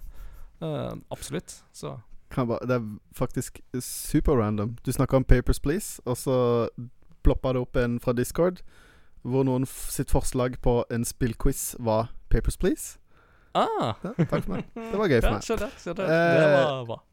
Ja, i, i mitt hode så, så, så mener jeg jo at det her er kontrollargumentet kontrollargumentet mitt eh, snakker i det greiene. For jeg føler ikke det er mange enmannsprosjekter som har en avansert 3D-kontroll med eh, eh, fullt funksjonelt kamera, på samme måte som Da har de jo fokusert på noe annet. Altså Baba Is You mm. er opp og ned og bort og fram. Du, du trykker jo omtrent ikke på noen andre knapper enn piltastene. Og Undertale er jo et tradisjonelt eh, eh, RPG hvor du går rundt på brettet og, og trykker på knapper i, i eh, tid. Det er jo ikke den derre Jeg tror at eh, eh, hvis en pers den personen som har lagd eh, Undertale, skulle lage et Call of Duty-spill, så hadde det jo ikke Mm. blitt like bra som eh, Activision sitt Call of Duty-spill, på en måte. Og det Men Nei, eh, det, går, men- det, går, det går ikke utover spilleopplevelsen i de spillene, men sånn Det hadde for øvrig vært fryktelig interessant å slippe Toby Fox løs på eh, Call of Duty og sett hva han hadde fått til. Altså, Hvordan hadde et sånt Call of Duty-spill faktisk blitt? Det hadde Mm. vært fryktelig fryktelig interessant. Det, Det hadde iallfall ikke vært noen tutorials i det spillet. Det. Jeg har jo et par uh, tanker rundt liksom hva er det som kjennetegner et godt spill. Um, Mm. Og for meg så kommer det på en måte tilbake til det klassiske um, Det er vel et Arkimedes-utsagn, tror jeg, om at uh, the whole is more than the sum of its parts. Mm. Altså at helheten utgjør mer enn bare enkeltkomponentene. Mm. Uh, for for jeg, jeg, jeg kan si mange ting som er viktige for meg. Altså en særegen god musikk, f.eks. En velskreven historie. eh, unik spillmekanikk. eh, alle eh, eh, Grafisk innovasjon. Alle de tingene der er liksom viktige. Men det er likevel noe med hvordan den helheten da er skrudd sammen, som som regel på en måte gjør at det hever seg fra å være et godt spill til å bli et veldig bra spill. Mm. Mm. Um, og et eksempel på det kan jo eksempel være um, Near Automata, for eksempel. Som for meg til å begynne med var liksom litt sånn Ja, det er et helt greit action-RPG, men det er ikke så mye mer enn det. Men etter hvert som den helhetlige stemninga som det spillet utgjør, fikk senka seg hos meg, og jeg fikk dykke enda dypere i historie og rollefigurer og musikken og hele sulamitten, så, så, så ble det spillet bare noe som vokste og ble enda mer varmt for meg. Mm. Mm. Eller, um, eller et spill som Journey, for eksempel, òg, som da stiller med en sånn helhetspakke som bare er så særegen at det er litt sånn Dette skiller seg fra absolutt alt annet jeg har vært borti.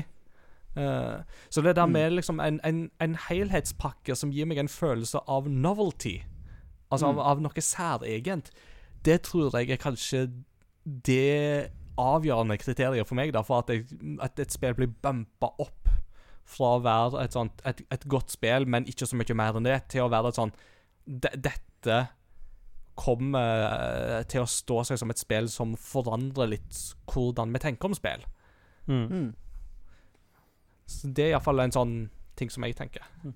Så en ting som eksempel jeg kan trekke fram, da. Eh, det er jo Last of Us. Ja. Uh, som på papiret ikke er spill som jeg uh, vil like. Uh, zombier har jeg aldri vært noe spesielt fan av. Uh, altså, jeg så jo Jeg drev og så en zombieserie. Jeg så to episoder og begynte å drømme om det, så da slutta vi med det. Så der har du, der, der har du liksom meg, da. Så det jeg, jeg, altså, jeg lever meg jo så gærent inn i film og gaming og serier at hvis at det er for spennende, så glemmer jeg å puste. Og så kommer jeg på at jeg mangler et eller annet, og så puster vi litt. Det, der har du meg. Uh, Last of Us er da på papiret en serie som jeg ikke liker. Men Og det skal også sies at jeg begynte på det, og så stoppa jeg på eneren. Eh, og så tok det to måneder, og så tenkte jeg OK, folk sier at det er så bra, så jeg må prøve å fullføre. Og den storyen og den sp spesielt karakterbygginga i mm. det spillet Altså, det er definisjonen på hvordan det skal gjøres. Det forholdet du får til karakterene, til det, det er helt eksepsjonelt. Og så kommer de og både slutten på eneren og toeren og så bare raserer følelsene i øst og vest. Altså det, det Og de, du, du, du får et forhold til personer, og så, en, og så bare messer de med hele eh, følelsesspekteret for de personer som du treffer på. Det er Og det det er jo slitsomt å snakke om. Du begynner å tenke på slutten igjen. Vet du. Det, men det, det, Stakkars Petter, traumatisert. det er synd på meg. Ja. Det, altså det Hvordan man kan gjøre et spill som man egentlig ikke skal like, og bare til et sånt mesterverk, da. Det, Mm. det fascinerer meg fortsatt. Um, Mm. Veldig, spen veldig spennende tanke. Mm. Eh, jeg har litt sånn Når jeg har uh, musikkfremføringer med uh, klassene mine, så skal de gi hverandre tilbakemeldinger. Uh, og uh, da har jeg måttet på en måte lære de at det er lov å si til noen at det var gøy å se på, eller 'dette var gøy'.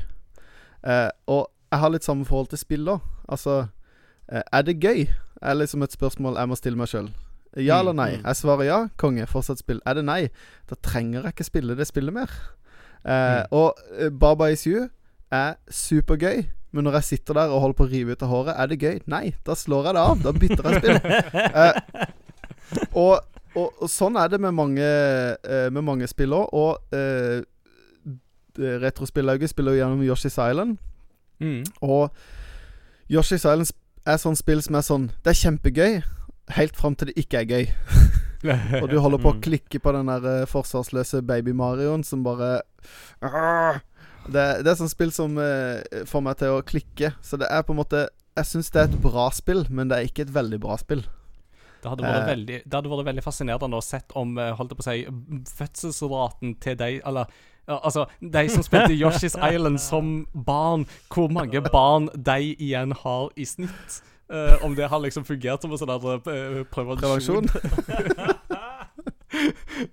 Sånn, nei, nei, jeg skal ikke ha barn. Hvorfor ikke det? Nei, Yoshi's Island lærte meg at jeg vil ikke ha barn. Ja. Jeg vil iallfall ikke ha en dinosaur som barnepasser. Mm. Eh, nei, men, men det, det er viktig for meg. Er, er det gøy? Ja. For jeg har sittet og Jeg har kasta bort for mange timer av livet mitt på å spille et spill fordi jeg føler at jeg må, Mm. eh, og ikke fordi at jeg har lyst. Eller jeg har lyst til å fullføre det, men det er drivkraften, å bli ferdig med det. Men da, da er jo For meg så er jo på en måte Da er jo poenget vekke med spill. Da er det Mm. plutselig blitt en pensumbok istedenfor. Som noe som du Mm. må gjøre ferdig. Du må lese det for å liksom ha gjort det. Ja. Eh, Ja, og, og det er der denne her novelty-elementet kommer litt inn, for min del. Mm. Fordi at med en gang et spill gjør noe som gjør at det skiller seg litt ut fra mengden, så blir det med en gang mye mer interessant. Og med en gang det er Mm. Ja. interessant, så er sjansen òg større for at det underholder og er gøy. Mm. mm. Så Men eh, ja. Det mm, Skulle jeg liksom nevne enkeltkriterier utenom det, så er det liksom musikk, historie, uh, gameplay Alle de tingene der er jo ting som er Som er viktige. Uh, men det er Mm. likevel den der følelsen av at dette er så annerledes alt annet jeg har spilt. Og det gjelder liksom enten det er Ocarina of Time, eller det er Super Mario Galaxy, eller det er Mm. uh, Baba Isu. Mm. En annen ting som jeg har lyst til å trekke fram, det er jo eh, den liksom gode, gamle co-op. Mm. Mm. Uh, det kan gjøre helt OK spill til en utrolig mye bedre opplevelse. Absolutt. Mm. Eh, altså Halo er jo fantastisk bra spill, men det å spille Halo med en kamerat Vi spilte jo lag en gang. Mm. Det er jo Altså, det er så kjekt. Uh, pluss at de har løst det med kamera og sånt utrolig godt Ja. uh, i det spillet. Og så kom jo Halo 5, og så de på leggen. Og, og så bare droppa de det som gjorde Halo så bra, nemlig co-op. Ja. Men, men, men, men det er helt sant, det du sier der. Fordi at mm, Mm. jeg spilte jo først Halo 1 og 2 alene. mm. Og det var i og for seg gøy nok, det, og spennende nok, det. Jeg, eh, jeg er jo en som syns at det å dykke inn i det universet og historien og sånt er spennende nok i seg sjøl. Mm. Men det var jo da du og jeg begynte å spille Halo 3 i lag. Det var da det virkelig åpna seg. Ja, ja. Mm. Og det er jo den opp følelsen som sitter igjen, den moroa som jeg hadde der. Mm. Mm. Og det, Josef Fares er jo god på det der òg, for så vidt. Han jo har jo kommet med noe spesielt It Takes Two nå. Ja. Altså Kona syns jo storkoser seg òg. Eh, med- og hun er jo ikke gamer. Og da har Mm. du jo altså da, Når du klarer å treffe dem som ikke gamer en gang, da har du gjort det utrolig godt. Ja, og han har jo sagt sjøl at altså, han er jo mannen med en, tydeligvis et ekstremt dårlig konsentrasjonsspenn. For han har jo sagt at vi vil heller lage ting som er gøy å spille i 15 minutter, enn å lage den samme tingen som du skal gjøre i 8-10 timer igjen og igjen og igjen og igjen, til det Mm. er møkkjedelig. Mm. Og siden Josef Fares er den mannen han er, så bruker han kraftigere ord enn som så. Men eh, det Det kan vi ikke gjengi på denne podkasten. Bare sånn jeg som begynte å tenke på et visst uh, eh, oppfølger på et visst Ringenes herre-spill som kom for sånn tre-fire år siden, hvor du gjorde akkurat det samme om og om og om og om og om og om og om og om, om, igjen. Ja, hmm, ja. Åh, Det er jo et, eh, et eh, Mordor-spill som uh, absolutt gjorde det, ja. Det er helt sant. Skyggel av krig der. Altså. Det, det, det, er et spill som har kost meg med i ganske mange timer, men aldri vært ferdig. Nei. Mm. Det, det hadde vært veldig spennende å se om det finnes en achievement for å liksom se den siste cinematiske sekvensen i det spillet, og se hvor mange som faktisk har klart å få den. For det, der tror jeg at den den raten fra liksom nest siste til siste trofé der, den tror jeg dropper markant. Mm. Mm. Any final comments or inputs uh, on this uh, difficult uh, issue? Det er jo ikke sånn at dette her er noe som på en måte vi sitter med fasiten med, men jeg syns det er en veldig interessant Mm. problemstilling å tenke litt høyt om, fordi dette er jo noe som særlig jeg jobber veldig mye med i det daglige. Mm. Eh, men av og til så må en jo da sitte og tenke Men hva er det egentlig som gjør et spill Mm. til at det blir veldig bra? Den sosiale delen har jo også gjort det så at jeg liker online-spill mye bedre enn jeg trodde. Mm. Bare for å skyte den på slutten. Mm. Det var jo Overwatch og det å spille med dere som gjorde så at jeg fant ut at det syns jeg er kjekt, som nå har blitt videreført til både Apex og eh, Warzone. Mm. Noen ganger så er det det- som skal til. Nei, det, det, det er superviktig. Så, spiller jeg ikke asosialt, Nei. Nei. eh, som uh, våre foreldre trodde. Mm. Eller det var kanskje litt asosialt når vi var små, da, men Det var jo det da, på, eller På sett og vis, Ja. men uh, med, Du kunne ikke minnes- alltid men- spille sammen med noen når vi var små. Nei. Det Nei, kan det er sant. barn og unge men- gjøre nå. De kan alltid finne noen å spille med. Og det er jo en stor forskjell fra når vi spilte, og når de spiller nå. Så det, Det, det, det, ja. det er sant. Men vi minnes veldig godt de gangene vi hadde venner på besøk, eller var på besøk hos noen Mm. og delte på en kontroller. Det, det, Ja. det var veldig stas. Mm. Final comment, Mathias? Mats Ja, siste tanke er litt sånn At eh, som du sa, det, dette her er det jo litt som eh, baken. At det er delt i to og tre og fire og tusen. Eh, Hvordan bak har du? Jeg, jeg ser for meg at hans bak er som, er, er som The Four-Assed Monkey i uh, South Park. Sett på druten at du. eh, jeg bare tenker at vi må vente til vi møtes i RL første gang, Petter. Så skal, du få, se. Eh, nei jeg var sykt den dagen, nesten. Behold my wonderful buttocks. Uh,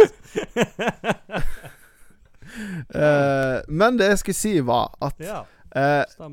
Dette er jo et veldig subjektivt eh, tema, dette også. Hva syns, Mm. hva syns du er et godt spill? Eh, Mm. og som du sier, det er ikke noen riktige og noen feile svar. Og det er, det er litt viktig å, å Jeg syns det er litt viktig å si, for jeg har periodevis følt at litt sånn eh, eh, Noen har større eh, rett enn andre til å si hva som er et godt spill. Eh, eh, og at litt sånn Ja, dette spillet er dritbra, og sånn og sånn og sånn. Dette bør alle like. Eh, alle liker ikke de samme spillene. Hva du syns er bra, det er det du syns er bra. Mm. enjoy what Mm. you love, og ikke det andre sier at du skal like, eller føler at du bør like. Eh, Og eh, og, ja, og det er forskjellig fra person til person og fra spill til spill hva som gjør Mm. et spill bra eller dårlig. Og det er lov å like dårlige spill. Ja, absolutt. Absolutt. Takk. Det, altså, for, for, for, det er jo jeg veldig opptatt av som spillanmelder òg, er jo det at eh, Mm. til syvende og sist det fins ikke en objektiv spillanmeldelse. Altså, Hvis du skal ha ja. noe objektivt som handler om spill, da går du på en Wikipedia-artikkel for å lese liksom hvordan spillet fungerer, og hva slags mottakelse det fikk, osv., osv. Det er det objektive rundt det. Men altså, en vurdering av spillets kvalitet vil til syvende og sist alltid være en subjektiv oppfatning. Eh, det man derimot kan gjøre, er at man kan jo gjøre sånn, litt sånn som jeg snakker om nå, liksom analysere komponenter ved spillet, argumentere for at det og det er bra, og skape en god helhet. Og nettopp derfor lander jeg på den konklusjonen at dette er et spill som fortjener en høy score, og som jeg tror at veldig mange kommer til å like. Men det er ikke dermed sagt at det er fasiten. Altså, Selv ikke Jason Schreier i Bloomberg sitter med fasiten på hva som er et godt spill. Altså, Det, det vil alltid være hans mening om det, eller uh, Altså, Folk som har drevet med spillanmeldelse i 20-30-40 år, altså Selv de vil ha på en måte sine kriterier som de vektlegger mer enn andre, og som da gjør at de kommer fram til at det er et bra spill. Men det er ikke dermed sagt at du må være enig med dem. Det, er det går helt, helt fint. Det er litt som når jeg ser en filmanmeldelse på VG som får terningkast to og tre. Da får jeg, det, da får jeg trua på den. Det, Jeg, jeg, jeg snakker om sånne ting. Jeg, eh, jeg har jo funnet ut at jeg og Birger Vestmo Vi er tydeligvis best buddies. For at eh, jeg og Birger vi deler Altså i Filmpolitiet. For vi Mm. deler tydeligvis en veldig mange tanker om hva som utgjør en god og en dårlig film. Eh, så hvis uh, hva Birger Vestmo i Filmpolitiet sier om en film, har veldig mye å si for min opp, Altså for om jeg blir nysgjerrig eller ikke. mm. Kult. Så Og noen ganger så er det det med spillanmeldelse. Altså, se, altså, hvis du finner noen som bare sånn Det er en person som jeg føler ofte treffer kriterier jeg vektlegger ved et spill. Eh, Så begynn gjerne å følge litt ekstra med på hva den personen skriver og sier. eh, for da kan det være en mening som du kan verdsette ekstra. Og det Ja. blir sånne Og det blir sånne folk som er veldig glad for, hvis vi kan gjøre det. Altså, det er liksom det vi prøver å jobbe med, da. Så Mm. Right, good, good talk. Da tenker jeg vi må ta en uh, bitte liten eh, pause. Jeg må Mm. blant annet på toalettet. Og, og så skal dere, dere som lytter, dere skal slippe å høre på det. Dere skal heller få høre på litt pausemusikk, og så er vi straks tilbake.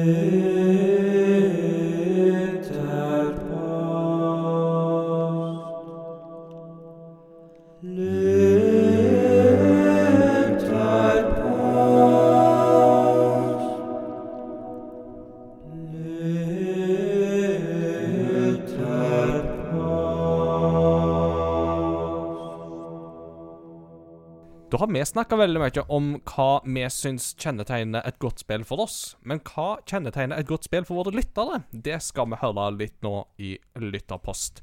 Jeg går like gjerne i gang. Smir mens like er varmt, som Øystein Sunde skulle til å si. Men uh, det mente ikke å smi mens jernet er varmt. Uh, og vi går i gang med alles trofaste Åsmunds hjørne.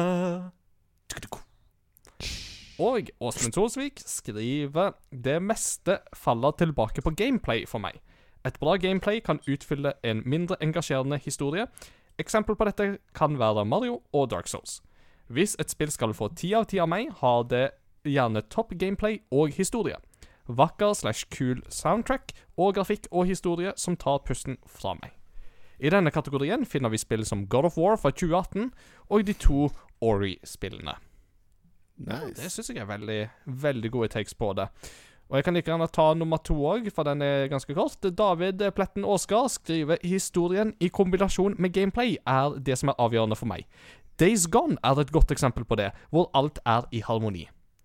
Ja, Veldig interessant valg å ta eh, Days Gone, eh, men, men jeg skjønner veldig godt hva han mener der. For at eh, Days Gone har en sånn blanding mellom gameplay og story som, hvis det treffer, så tror jeg det treffer veldig veldig godt. altså. Og det er jo veldig aktuelt nå, for det er jo nå ute på PC òg. Mm. Eh, det var jo egentlig bare på PlayStation 4, men kommer jo på PC nå den 18. mai, så Ja. er veldig aktuelt igjen. Og hvis du kjører bedre på PC enn det du gjorde på PlayStation 4 i sin tid, så tror jeg absolutt at du kan ha en veldig god opplevelse der. Mm. Du får det vel gratis på PlayStation Plus nå? Gjør du det? Jeg lurer på det. Ta det med en spadesalt. Men uh, for jeg tror det var det jeg lasta ned for en uke siden. Ok. Jeg har ikke PlayStation Plus, så what do I know? jeg har PlayStation Plus. Mm. da kan jo du ta neste lytterpost òg, da. Kanskje. Det skal jeg gjøre, vet du. Da tar jeg Å, hva sa jeg, da? Celalith? Mm. Å, glede. Oh yeah. Celalith skriver For meg er det veldig Stå, vi kjører en gang til. For meg er det veldig subjektive kriterier som varierer fra sjanger til sjanger. Jeg prøver ikke å veie opp det positive og negative. Har det noe jeg liker spesielt godt, spiller det ikke så stor, stor rolle annet som blir, hva annet som blir dårlig. Det handler om hvilken opplevelse jeg ønsker å ha og om den blir oppfylt. Et eksempel er bilspill. Etter å ha prøvd meg gjennom litt ulikt i Forsa-serien, så fant jeg ikke den samme gleden eh, som jeg hadde med Need for Speed Underground 2 i sin tid. Det er jo et bra Åh, Veldig bra spill. Altså. Ja. Det er intromusikken du. Kjære. Uh, anyway, Uh, etter hvert skjønte jeg at jeg ikke liker strukturerte billøp. Jeg vil kjøre fritt rundt i en by. Jeg liker ikke å ha konkurranse. Jeg vil kjøre rundt og høre på musikk. Jeg er visst en sofaråner. Same. Selve billøpet gjør jeg på trass for å få råd til nye biler og deler. I strategispillene mine så er jeg stor fan av Paradox Interactive sine spill. Jeg har, alt, jeg har aldri vært spesielt stor fan av Civil, Civil- Civilization, for jeg liker best når verdenen er grundig plassert i virkeligheten, slik at den kan omskrive historien. Takk til Nikolai på discorden vår, Nikolai, som skriver fortellinger basert på det han opplever i spillene på Paradox sine, sine forum, kjent som The After Action Reports. Favorittsjangeren min er RPG, av typen åpen verden.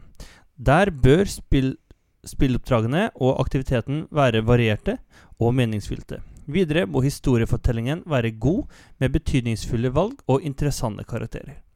Men det viktigste er å ha en god verdensbygging. Gjerne med mye godt skrevet tekst og dialog, slik at verden føles levende. En skjønner kanskje hvorfor jeg da setter Witcher 3 så høyt, og hvorfor Cyberpunk 2077 ble en gigaskuffelse. Mm. Produserende på den. Til slutt vil jeg nevne Retrospeillaget, hvor jeg har gått inn med helt andre forventninger. Her er jeg elev og åpen for å lære. Jeg ser etter sammenhenger jeg kan knytte til nyere spill jeg kjenner godt. Jeg ser etter viten om spillenes historie og utvikling. Disse forventningene oppfylles alltid, og dermed er det alltid en fryd å spille med dem. Ah, Ah, det var kjekt. Det var en trivelig slutt. det er fint når vi får eh, klapp på skuldra for retrospillauget. Det setter vi pris på. Og mm.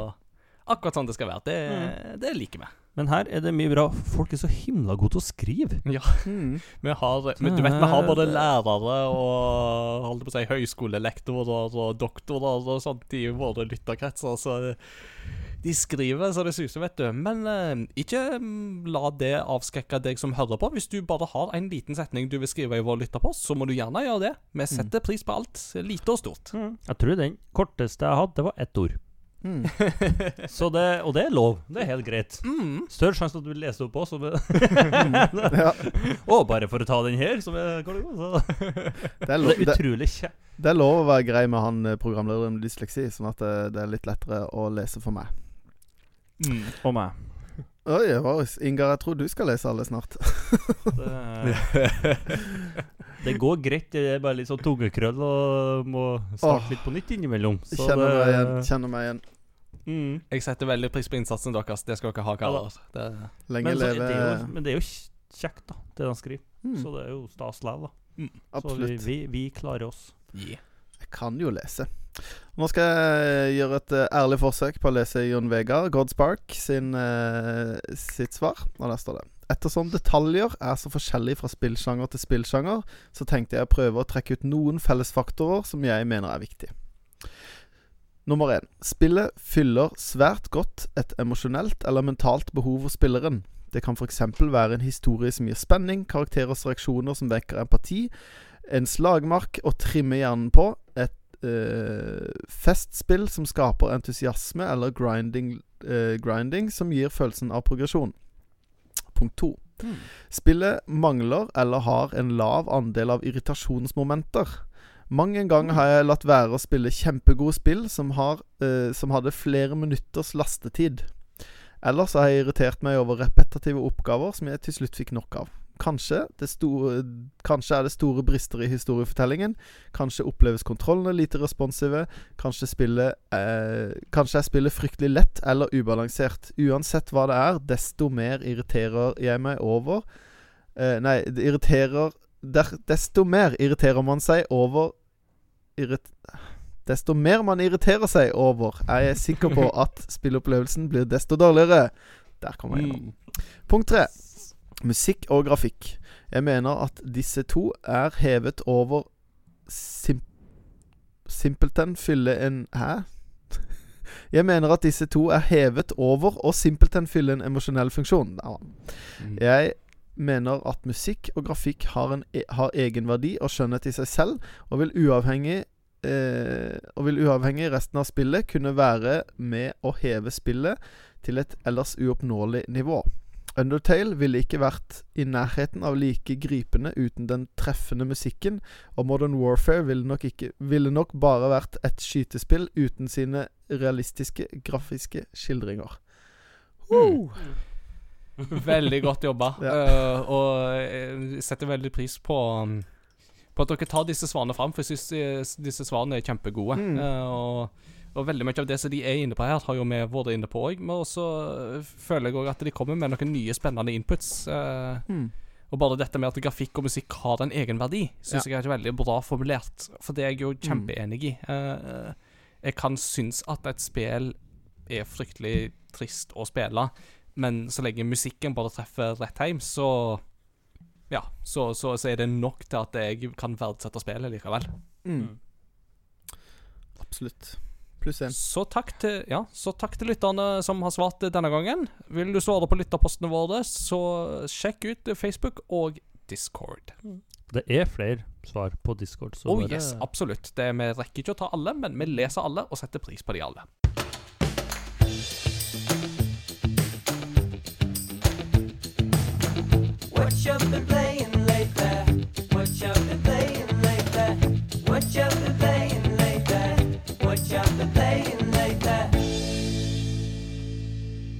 Jeg nevnte i stad uh, dette med musikk med egen verdi i seg sjøl, som gjør at jeg kan verdsette en spillopplevelse. Så kanskje jeg da kan begynne å snakke om hva jeg har spilt siden sist. For jeg har et eksempel på det. Fearless. Ja, uh, Og det er Kan vi si nei? Hæ? Kan vi si nei? Ja, altså, vi har, vi, vi har flat struktur, så Ja, det er greit. Inga. Bare kjør på det. ah, Takk, takk. takk Veldig stilt. Veldig stilt. Ja, det. Nei da, jeg gjorde det veldig klart når du skulle Mm. skulle begynne her, at vi har flat struktur, så det har like mye å Ja, ja. si som oss, som oss andre. Mm. Nei, um, Near Replicant er et spill som jeg vil trekke fram i den sammenhengen. Uh, for dette snakket jeg jo litt om sist. Det er jo denne remaster slash remaken av Near på, som var på PlayStation 3 i sin tid. Uh, og Sist gang så nevnte jeg jo litt på dette her med at jeg er på en måte vel intrigued, men jeg føler likevel at det er litt ting som mangler. Eh, nå har jeg blitt ferdig med Near Replicant, og det er et inntrykk som har befesta seg. Det er ting her som jeg verdsetter fryktelig, og musikken er absolutt en av de. Eh, både musikk og den helhetlige stemninga i spillet som du får gjennom rollefigurer og historie, kombinert med musikken, gjør at du har en sånn særegen, melankolsk, dyster stemning som som jeg føler bare Near-spillene er i stand til å gi meg. Og, og den følelsen Åh, den, den, den, den, den er sår, og den er vond, men den er samtidig så god. Eh, og jeg, jeg, jeg, er veldig glad i denne her kreative galskapen til Yoko Taro, uh, kombinert med den mesterlige musikken til Keiichi Okabe, som bare er Særlig musikken er så særegen. Det, Mm. det ligner liksom ikke noe annet, og jeg, den, den virkelig driver meg hele tida videre og fram og opp. Um, og det som er spesielt bra med musikken i Neo Replicant, er jo det at når Square Enix remasterer et spill, uh, så spiller de som regel òg inn musikken på nytt. Mm. Og noen ganger så får det et ganske dårlig resultat. Um, Final Fantasy 10 slash 10.2 HD Remaster-pakken er et eksempel på det. Mm. Uh, der har du en originalmusikk som i utgangspunktet er veldig dårlig, som da får en remaster som rett og slett senker kvaliteten på musikken, og dermed spilleopplevelsen. Med Near Replicant er det heldigvis motsatt. Der har jeg hørt litt på det originale soundtracket på Spotify, og bare sånn Dette går jo ikke i det hele tatt i forhold til hva jeg har hørt i spillet. Og så har jeg funnet remaster-musikken og bare merker hvor mye mer Altså, hvor mye mer sjel det er i den nye produksjonen, og hvor helhet, helheten rett og slett bare er vakker melankoli og fantastisk kreativitet. Eh, så sånn sett så um, sitter jeg igjen med en Jeg sitter igjen med en positiv opplevelse. Men for meg så er ikke Near Replicant uh, et spill som overgår Near Automata. Kan hende det hadde vært motsatt hvis jeg hadde spilt Near først, så spilt Near Automata, og så spilt Near Replicant. Uh, men det er da ikke den rekkefølgen jeg har tatt det i. Um, Og ut den rekkefølgen jeg har tatt det i, så må jeg si at eh, eh, det, det er noen historiebrister og sånt her som jeg føler ikke eh, blir godt nok løst, eller vi får gode nok svar på. Og ja, jeg har spilt alle fem endings i spillet, så jeg har fått alt som alle disse fem hovedendings. Og jeg føler fortsatt ikke at, jeg, at det, det, ting løses helt som det burde, men um, Men det er lov å være uenig i det. Um, og ja, eh, jeg vil absolutt anbefale å sjekke ut Near Replicant hvis du er på jakt etter et litt annerledes japansk rollespill. Det, det vil jeg. For du får ikke helt den samme følelsen andre plasser. Det gjør du ikke. Mm. Så det er én ting. Og så nevnte jeg jo òg litt i del 1 Returnal, som jeg da har fått eh, begynt på, på Ja. PlayStation 5. Kult. Og, Mm. og, det, og det er veldig gøy. Um, dette er jo et spill som kun kommer til PlayStation 5. Så nå føler du liksom endelig at du sitter med en sånn supereksklusiv Altså, du har jo tidligere hatt Demon Souls, men det er jo bygd på et PlayStation 3-spill. Mm. Og du har hatt Astros Playroom, men det var jo relativt kort. Eh, med Returnal så får du liksom en fully fledged big eh, production som er kun på PlayStation 5. Eh, og det er en særegen gøy opplevelse, altså. Det er mm, Du spiller jo som en uh, altså kvinnelig astronaut som heter Celine, som krasjer på planeten Atropos, hvis jeg ikke husker feil. Eller er Atropos uh, selskapet Jo, nei, nei hun krasjlander på Atropos. Hun jobber for selskapet Astra.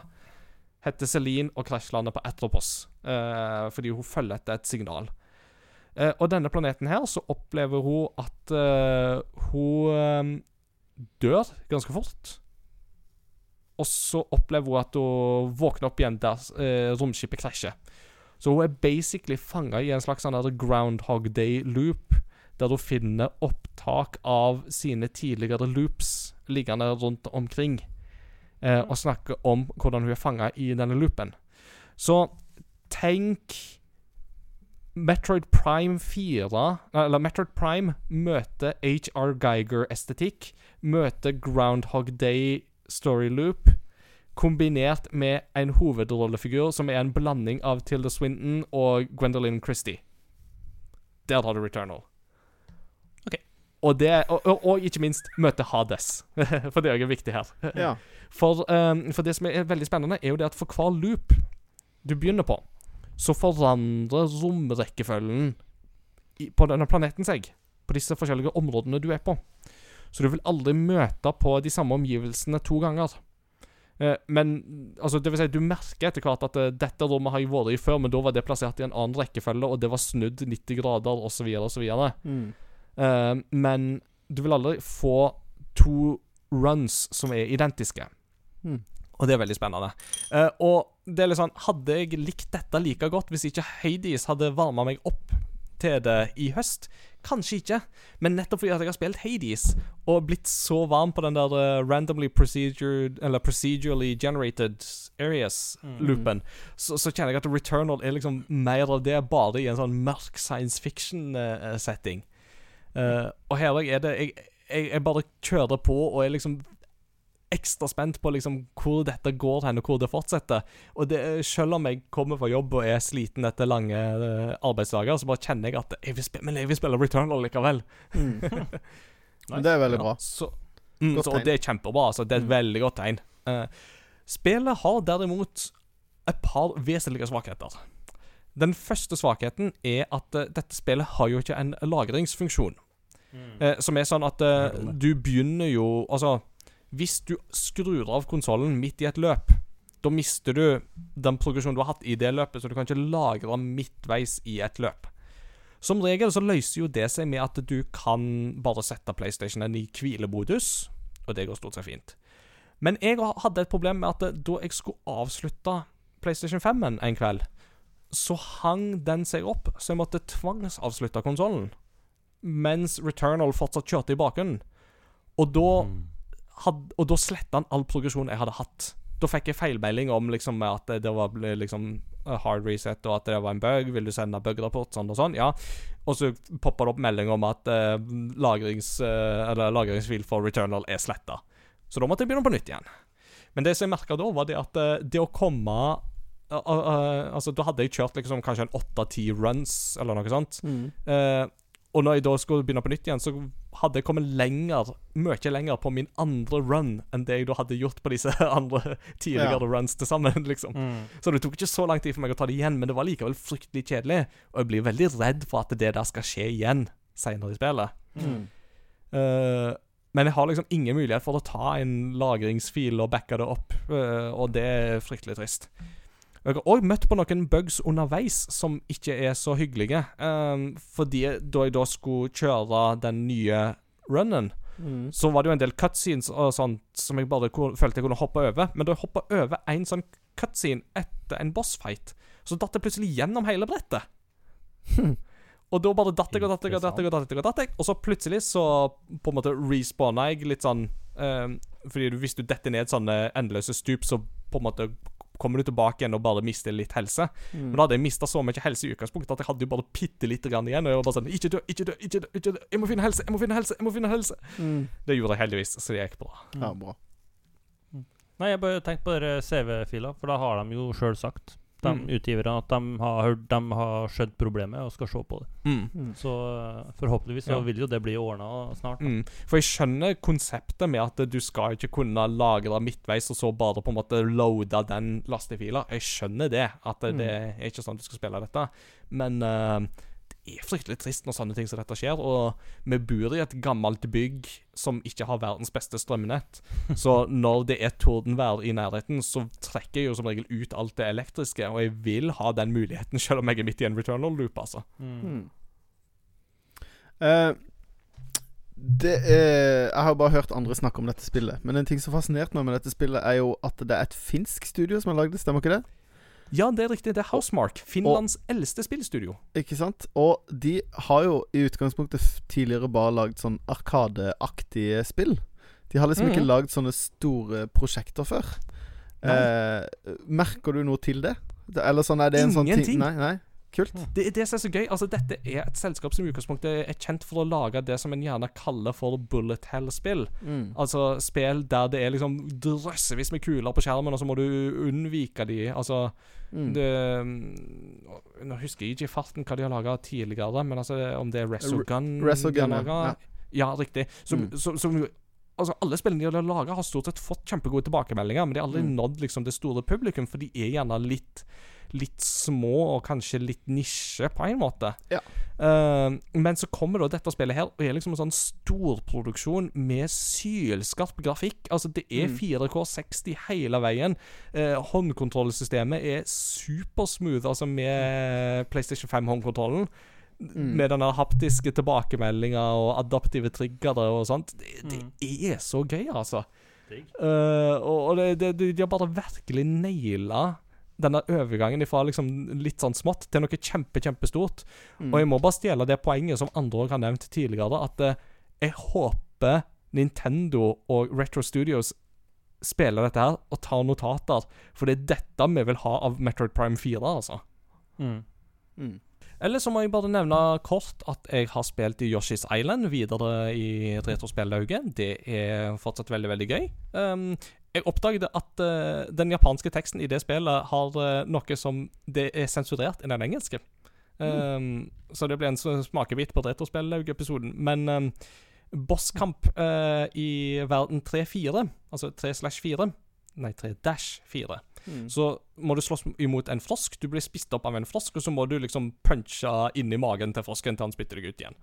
Oh. Og i den engelske utgaven så sier da Kamek, denne her um, Koopa Troopa-heksa eller trollmannen, at uh, ah, 'Jeg er så lei deg, Yoshi. Nå skal du bli til lunsj. Ha-ha-ha'. Men det er ikke ordet lunsj Kamek bruker i den japanske utgaven. For da sier Kamek at uh, 'nå skal du bli til bæsj'. Det står veldig klart og tydelig 'unchi' på japansk. Og unchi det, altså, det kan godt hende det betyr noe mer på japansk som jeg ikke har fått med meg, men det passer veldig godt i et spill med babyer og den slags type ting. At 'nå skal du bli til bæsj'.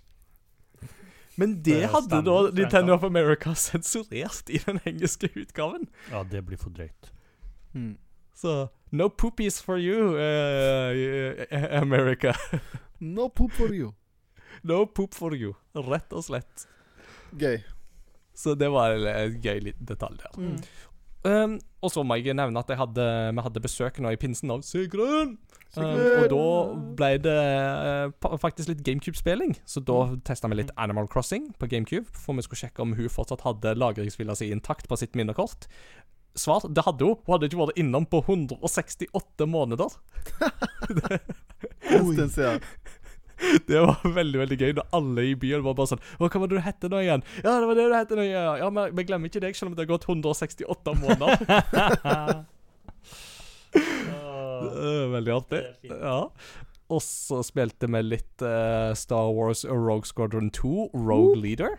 Det var gøy. Det spillet sitt eh, Det er et snakk om launch-tittel. Mm, ja, det er litt av et spill, ass. Mm, og så spilte vi litt eh, Chibi Robo.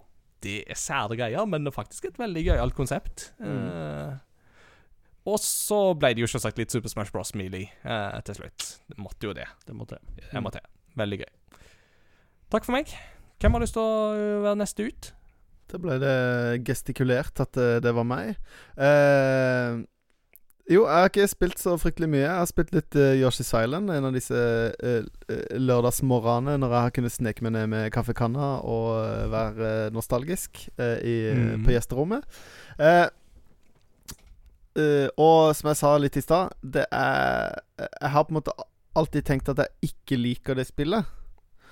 Og når jeg spiller nå, så skulle jeg ønske at jeg kunne spille det spillet uten babyen. Men som et, bare et Yoshi-spill. Eh, og det som frustrerer meg aller mest, er det der Det ene er jo den derre s- stressinga når du blir truffet og babyen detter av, og du må finne den i denne bobla før tida går ut. Eh, det er jo en ting som er superstressende. Eh, I utgangspunktet, syns jeg. Det gjør at et spill som er koselig og egentlig er litt sånn mellow, blir ikke mellow. Og jeg kan skjønne at noen liker det. Jeg liker det ikke.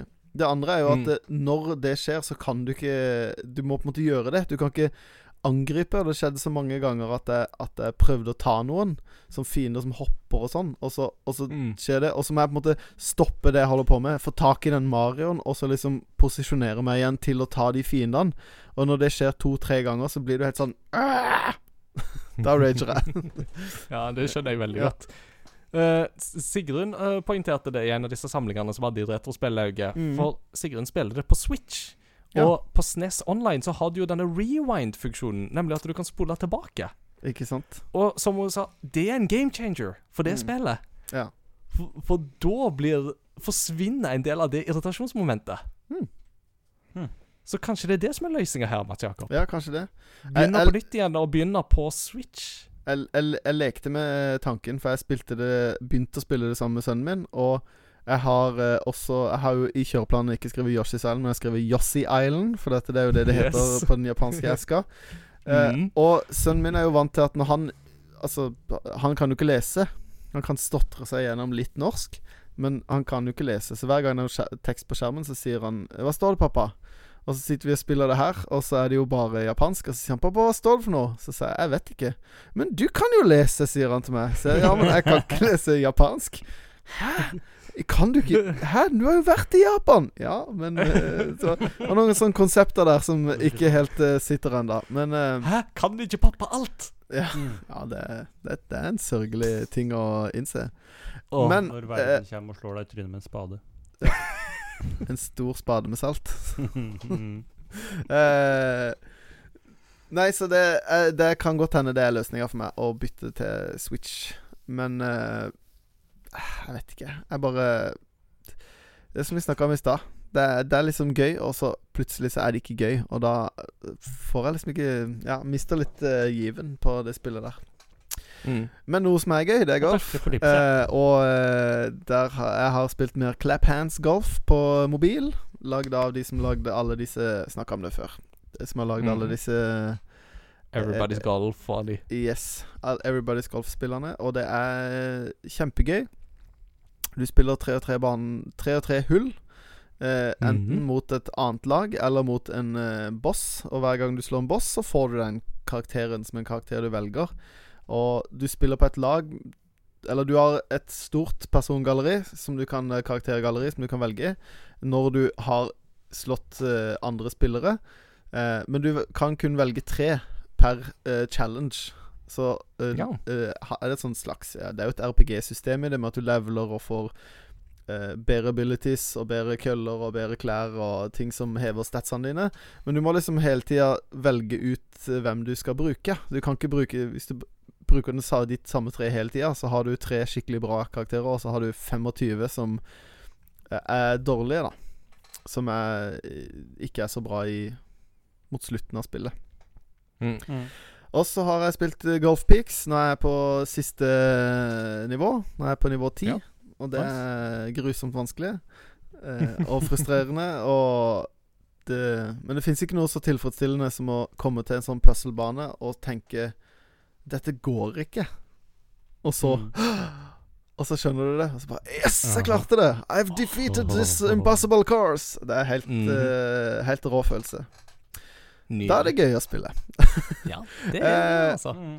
Og så Det er ikke et spill jeg har spilt, men noen ting jeg glemte å nevne i stad. For jeg har forhåndsbestilt mitt første spill siden uh, Skyward Sword uh, eh, kom ut på Wii. Uh. Er det noen som vil gjette på hvilket spill det er? Ja, ja, In ja. Ingar? Jeg vil tippe Er det Mario Golf? Det skal jeg ha day one, ass. Så Mario Golf er bestilt. Det ser altså så gøy ut. Jeg får helt der, sånn speed, det der speed race-greiene. Åh, Det ser Det altså så rått ut. Det, jeg Det så skamkjekt ut. Ja. Så det Altså, vi- tror jeg blir en hit i huset vårt med guttene, Mm. iallfall. Mm. Hvis, hvis Camelot leverer på den, da, da kommer det til å bli kjempegøy, altså. Det, det tror jeg på. Og uh, og, Mario ja. Tennis Aces var også et kjempebra spill. Uh, Mm. Det spillet de hadde på Wii U, var ikke så bra. Det var, eller det var ikke Mm. dårlig, men det var veldig, veldig veldig kort. Mm. Det var liksom så utrolig lite innhold. Uh, Ja, Men jeg forsto at Aces var et steg i riktig retning. Ja, det var mye mer innhold og flere sånne ting. Og de har jo Der har de jo Det er en ting de ikke har kjørt med så mange spill, men de har kjørt liksom uh, online-turneringer. Sånn Ja. annonsert eh, last ned denne versjonen av spillet for å spille en online-turnering. Og du trenger ikke eie spillet for å bli med i turneringa. Ja. Det er ganske kult. Uh, så jeg håper de gjør sånne ting med Mario Golf. Da skal jeg Da skal jeg get good og bli med i turneringer i Mario Golf, tror jeg. Smooth. Make it so. Nice. Make it so. Mhm. All right, uh, Peter. Uh, Yes. Final round. Tell us your games. Engage. OK. Uh, det har gått mye det vanlige. Eh, Warzone og uh, Russian Clank har jeg nevnt. It Takes Two spiller jeg fortsatt med kona. Ja, hvordan Eh, går det? Det går fint. Det. Det er vel litt mye i det siste eh, Mhm. som har skjedd. Det er jo innspurt på bibelskole og litt sånn der, så jeg er jo Jeg, jeg er jo burde ha vært sykemeldt, men arbeider på dagtid og sover på kveldstid og ettermiddagstid og sånt. Så, eh, men vi koser oss veldig med det. Mm. Eh, det jeg vet, det er, det er jo kanonkjekt Mm. fortsatt. Så det Even jeg, og vi driver fortsatt og finner ut hvordan vi skal overtale eh, madammen hans til å spille. Så da She needs to collaborate. Oh, yes. ah, she must work on the det- relationship. Nei, det er meget, meget bra. Eh, Jeg testa litt uh, av uh, DLC-en til Assassin's Creed Valhalla. Ja. Bare et Mm. par timer. Og de fortsetter jo veldig mye i samme sporet. Uh, syns det er jeg syns det er meget bra foreløpig, eh, men jeg har ikke spilt så mye ennå. Jeg hørt rykter om at det er litt Bossene er ikke så gode, liksom, og Mm. litt sånn der. Så Mm. det er litt sånn Assassin's Creed, more Vals, more Hallas. Ja. ja. Basically. Flere hvaler og vele, flere haller. Mhm. Mhm. Og så jeg la ut på Discord at uh, Sommerkroppen eh, 2021 Her kommer jeg med Ring Fit Adventures, og det prøvde jeg. Putta på litt uh, tabletter, og så satte vi i gang. Så da var totalt skam, skamkjørt etterpå. Eh, men det er jo kjekt. da er Utrolig real måte å faktisk få Få svetta litt. Ja. Så det, det Og kona har jo òg hevet seg på den. Mm. Så da det, setter jo bare Jeg satt bare ting på blokka over ting som hun eh, faktisk syns er kjekt. Ja. Mm. Jeg, for, jeg forsto det sånn at når du tar sånne minigames og sånt i det spillet, så kan du velge hvem sin bruker det skal lagres på etter at du har gjort det. Mm. Så at hvis du får en dårlig score, så kan du bare lagre det på ektefellen sin. Det, det, det, kan jeg skrive under på, da. Det, Ja, for det hadde kona di gjort med deg, hun har utnytta det til det fulle. Så det mm, Sneaky, Det- sneaky. ja. Sneaky, sneaky. Meget. Uh, skal vi se. Uh, jeg driver og spiller Luigi's Mansion 3. Uh, oh, ja. Jeg hadde et eh, oppbrudd der, men så tok plukka opp igjen. eh, og det er jo knallkjekt. Det er så gøy. Mm. Problemet er at da savner jeg det vi snakka om for noen episoder siden. Hvor du, hvis at du ikke har spilt et spill på en stund, så bare Hei, nå er det lenge siden jeg har spilt. Her er det du bør huske på for å spille videre. Og så er det Mm. Eh, Fordi da er det jo Skulle jeg prøve å finne ut hvor et spøkelse har i. uh, men så hadde jeg fullstendig glemt at hvis du heller inn Y, så lyser du med et annet type lys som Mm. gjør det så du ser sporene. Mm. hvis du ikke vet det øh, Kjære vene, jeg sprang jo etasje opp og ned vet du, og styra på. Uh, og så sa han jo at husk på at du kan bruke det lyset, da, hjelperen din, eh, for å finne dem. Og så bare ja, men hvordan gjør jeg det, da? Så det var totalt ubrukelig. Men jeg fant ut det, og nå koser jeg meg veldig. Nice. Det er jo et utrolig Han er jo den fryktelig nusselig når han sprenger livredd og prøver å redde vennene sine. Au, au, au, au, eh, Det gøyeste er jo når han løper sidelengs, så har, lener han seg litt sånn bakover, og så dingler nesa. Ja. Det, det er de søteste detaljene i spillet.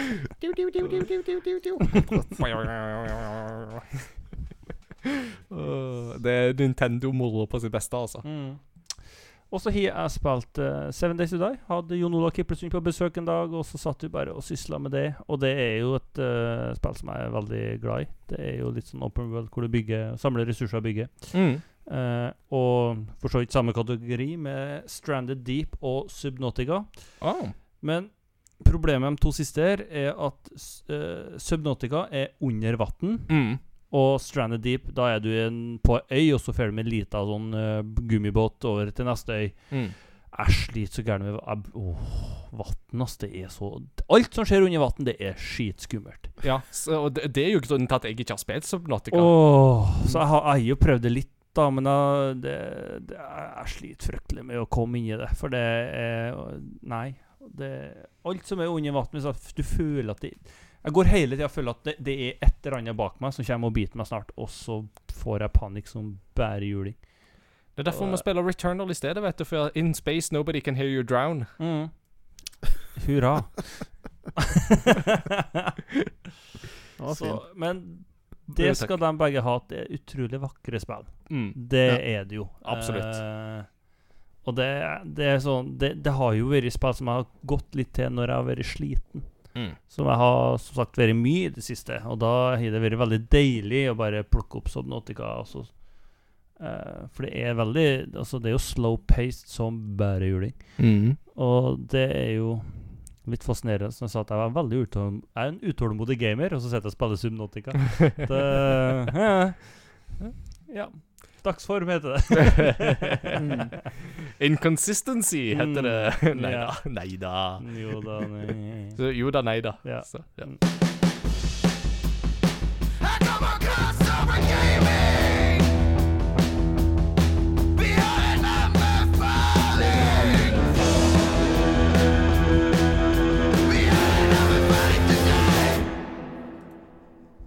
Da det er jeg som får lov å ta anbefalinger i dag. Og da um, Det hender seg jo at det er ikke alltid at jeg orker å um, å spille så masse. Eh, særlig nå når det er lange arbeidsdager og sånt. Så da blir det av og til litt TV. Eh, og da er det to ting jeg har sett på TV som begge deler har jeg fått anbefalt av Chose. Som uh, Shout-out der. Det første er miniserien The Loudest Voice, som er en miniserie på syv episoder, som er på HBO. Eh, den handler da, kort forklart, om Roger Ailes. Mannen som grunnla og var de facto lederen av Fox News fra det ble grunnlagt i 1996 og fram til han måtte gå av i 2016 som følge av lekkasjer om eh, toxic arbeidskultur og seksuelle overgrep og trakassering. Og dette er et fascinerende innblikk i en fascinerende og høyst forstyrra mann. eh, som etter hvert utvikler en Altså Det som teller for Roger Ailes, er at Fox News de skal catere til det konservative miljøet i USA, som da føler at de ikke får sin stemme hørt i vanlige medier. Og da spiller det egentlig ikke så stor rolle om det er kildekritisk riktig, eller om det er godt nok etterspurt, eller om det er en skeiv vinkling. Så lenge seertallene går opp, så er det det viktigste. Og etter hvert så utvikler jo denne mannen et nærmest sånn konspirasjonsteoretisk, paranoid verdensbilde som han begynner å tro på sjøl. Som jo da cateres gjennom Fox News. Og altså Dette er serien som virkelig får fram hvordan Fox forandrer nyhetslandskapet i USA. Og ikke til det bedre. Men, og, det som virkelig selger denne serien, det er Russell Crowe. For det er Russell Crowe som spiller Roger Ailes, og han er Roger Ailes. Altså, han eier virkelig den rollen, på samme måte som f.eks. Daniel Day-Lewis er Abraham Lincoln i Lincoln-filmen til Steven Spielberg. Mm. Så er Roger Ailes uh, Nei, er Russell Crowe Roger, Roger Ailes. Altså, det er Russell Crowe i en fatsuit, dette her, men det, og det er helt fantastisk innblikk i en fascinerende del av amerikansk mediehistorie, som jo til syvende og sist òg var med på å sikre Donald Trump presidentskapet i fire år. Mm. Så eh, varmt anbefalt. Det er bare syv episoder, men det går unna, altså. Og de har jo laga en film om mer eller mindre Altså om litt av de samme avsløringene, som heter Bombshell. Og den filmen er ikke i nærheten av å være like god, fordi de mangler denne fantastiske rolletolkninga til Russell Crowe. Mm. Så The Loudest Voice anbefales. Den andre anbefalingen som jeg vil komme med, det er NRK-dokumentaren UXA, der Thomas Seltzer reiser til sine røtter i USA for å liksom finne tilbake litt til sin gamle kjærlighet.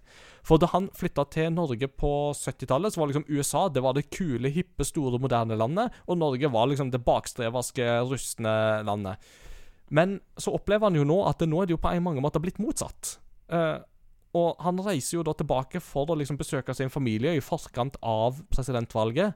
For å finne liksom litt ut hva, er ståa, hvorfor er ting sånn som de er, og hvor er det ting har gått galt.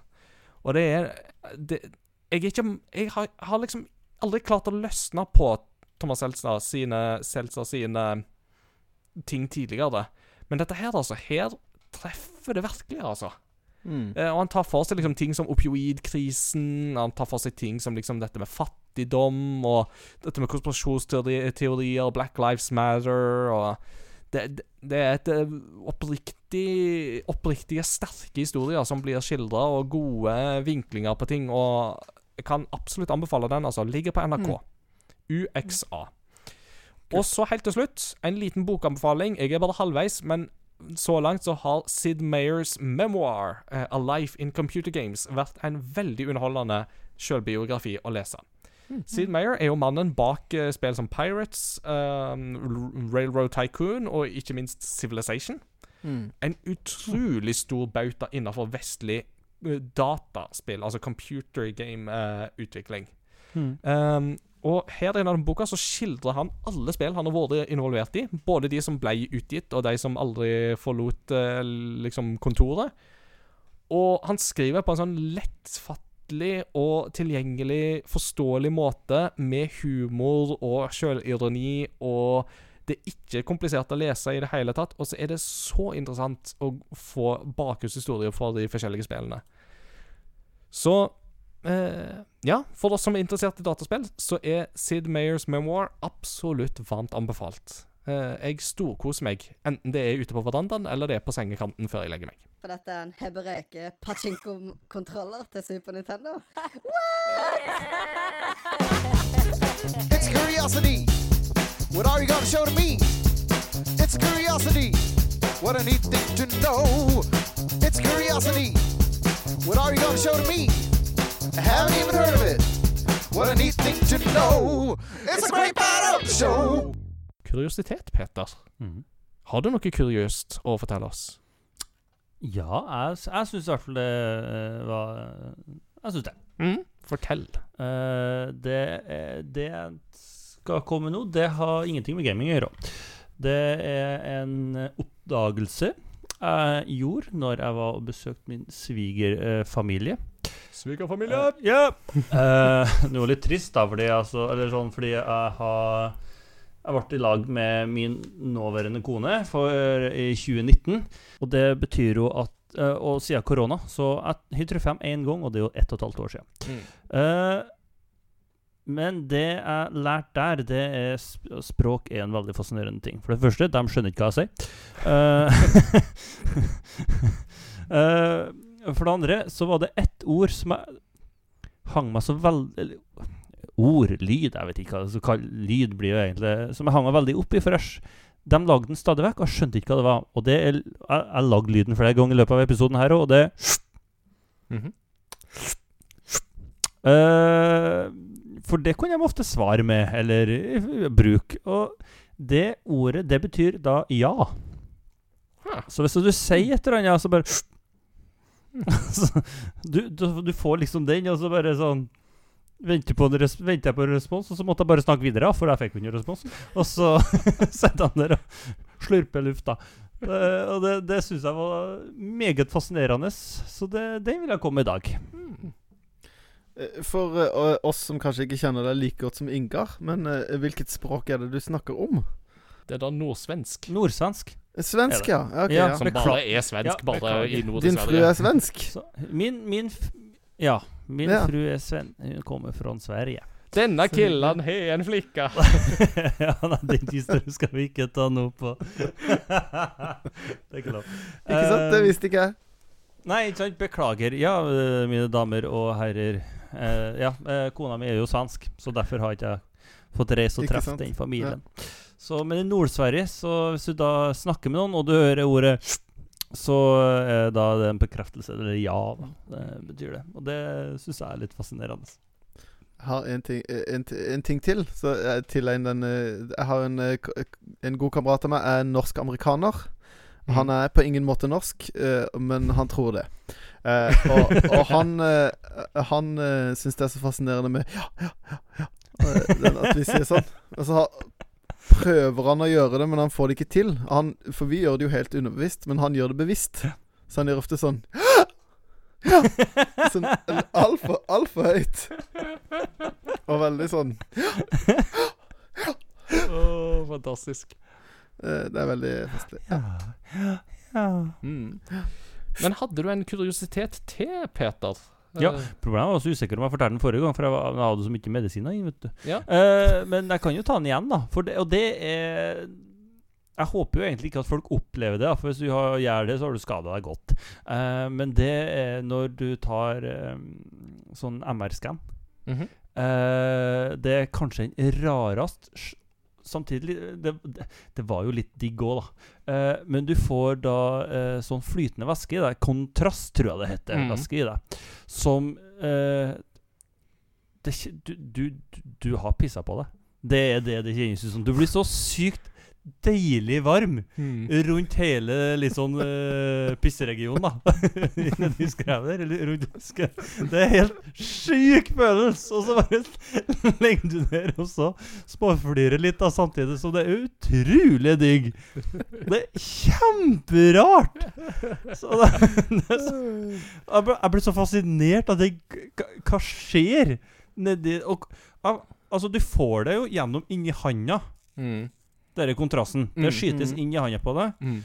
Og så skal det liksom nedi der Så skal det bli veldig godt og varmt. Uh, Så der har dere det, folkens. Eh, Det er da altså det, nord, det svenske Og uh, ta en MR-skann og kjenn at eh, du føler at du har tissa på deg, men på en god måte. Ja, på en tørr måte. Jeg så ikke disse kuriositetene komme, for å si det sånn. Nei, det Nei, Jeg trodde ikke jeg skulle bli, uh, få høre om no, for, at det er deilig å bli varm i pisseregionen.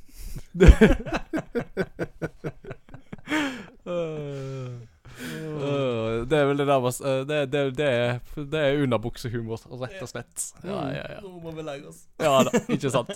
Men uh, før vi gjør det, så må vi ha et postludium. Oh, ja. Eh, og da, Mats Jakob, mm. har du kokulert noe til oss i dag i Ja. eh, Musikkarkivet?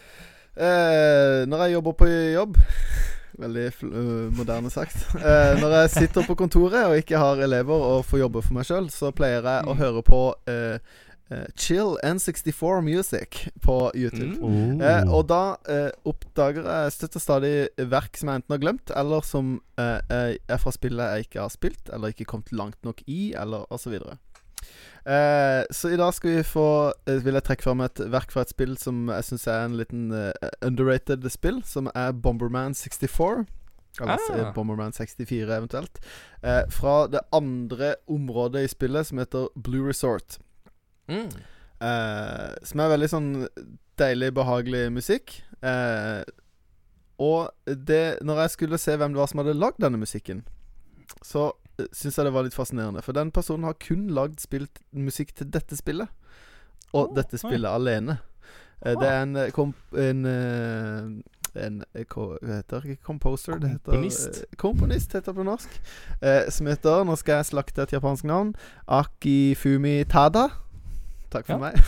eh, Var ikke så gale, det. Nei, takk. Eh, men eh, eh, han eller hun Jeg fikk ikke helt med meg om det var en mann eller en dame. Eh, Det høres ut som et lag- damenavn, tror jeg faktisk. Ikke sant? For det, Ja. jeg vet jo ikke om dette er den japanske versjonen av Turid.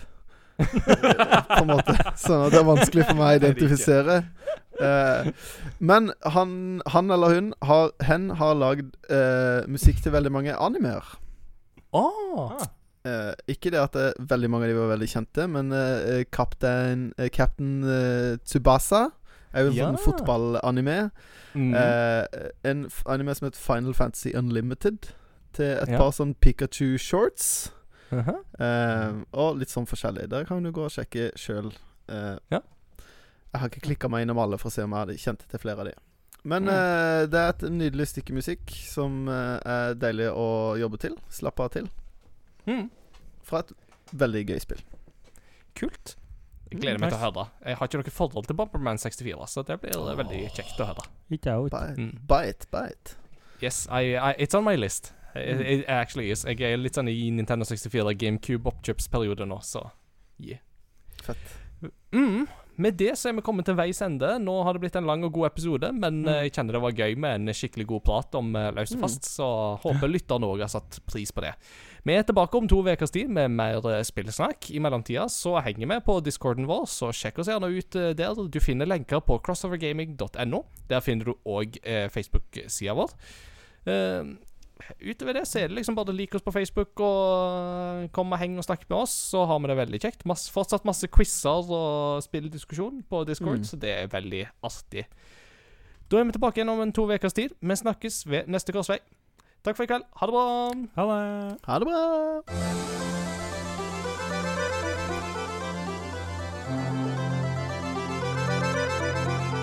Yeah.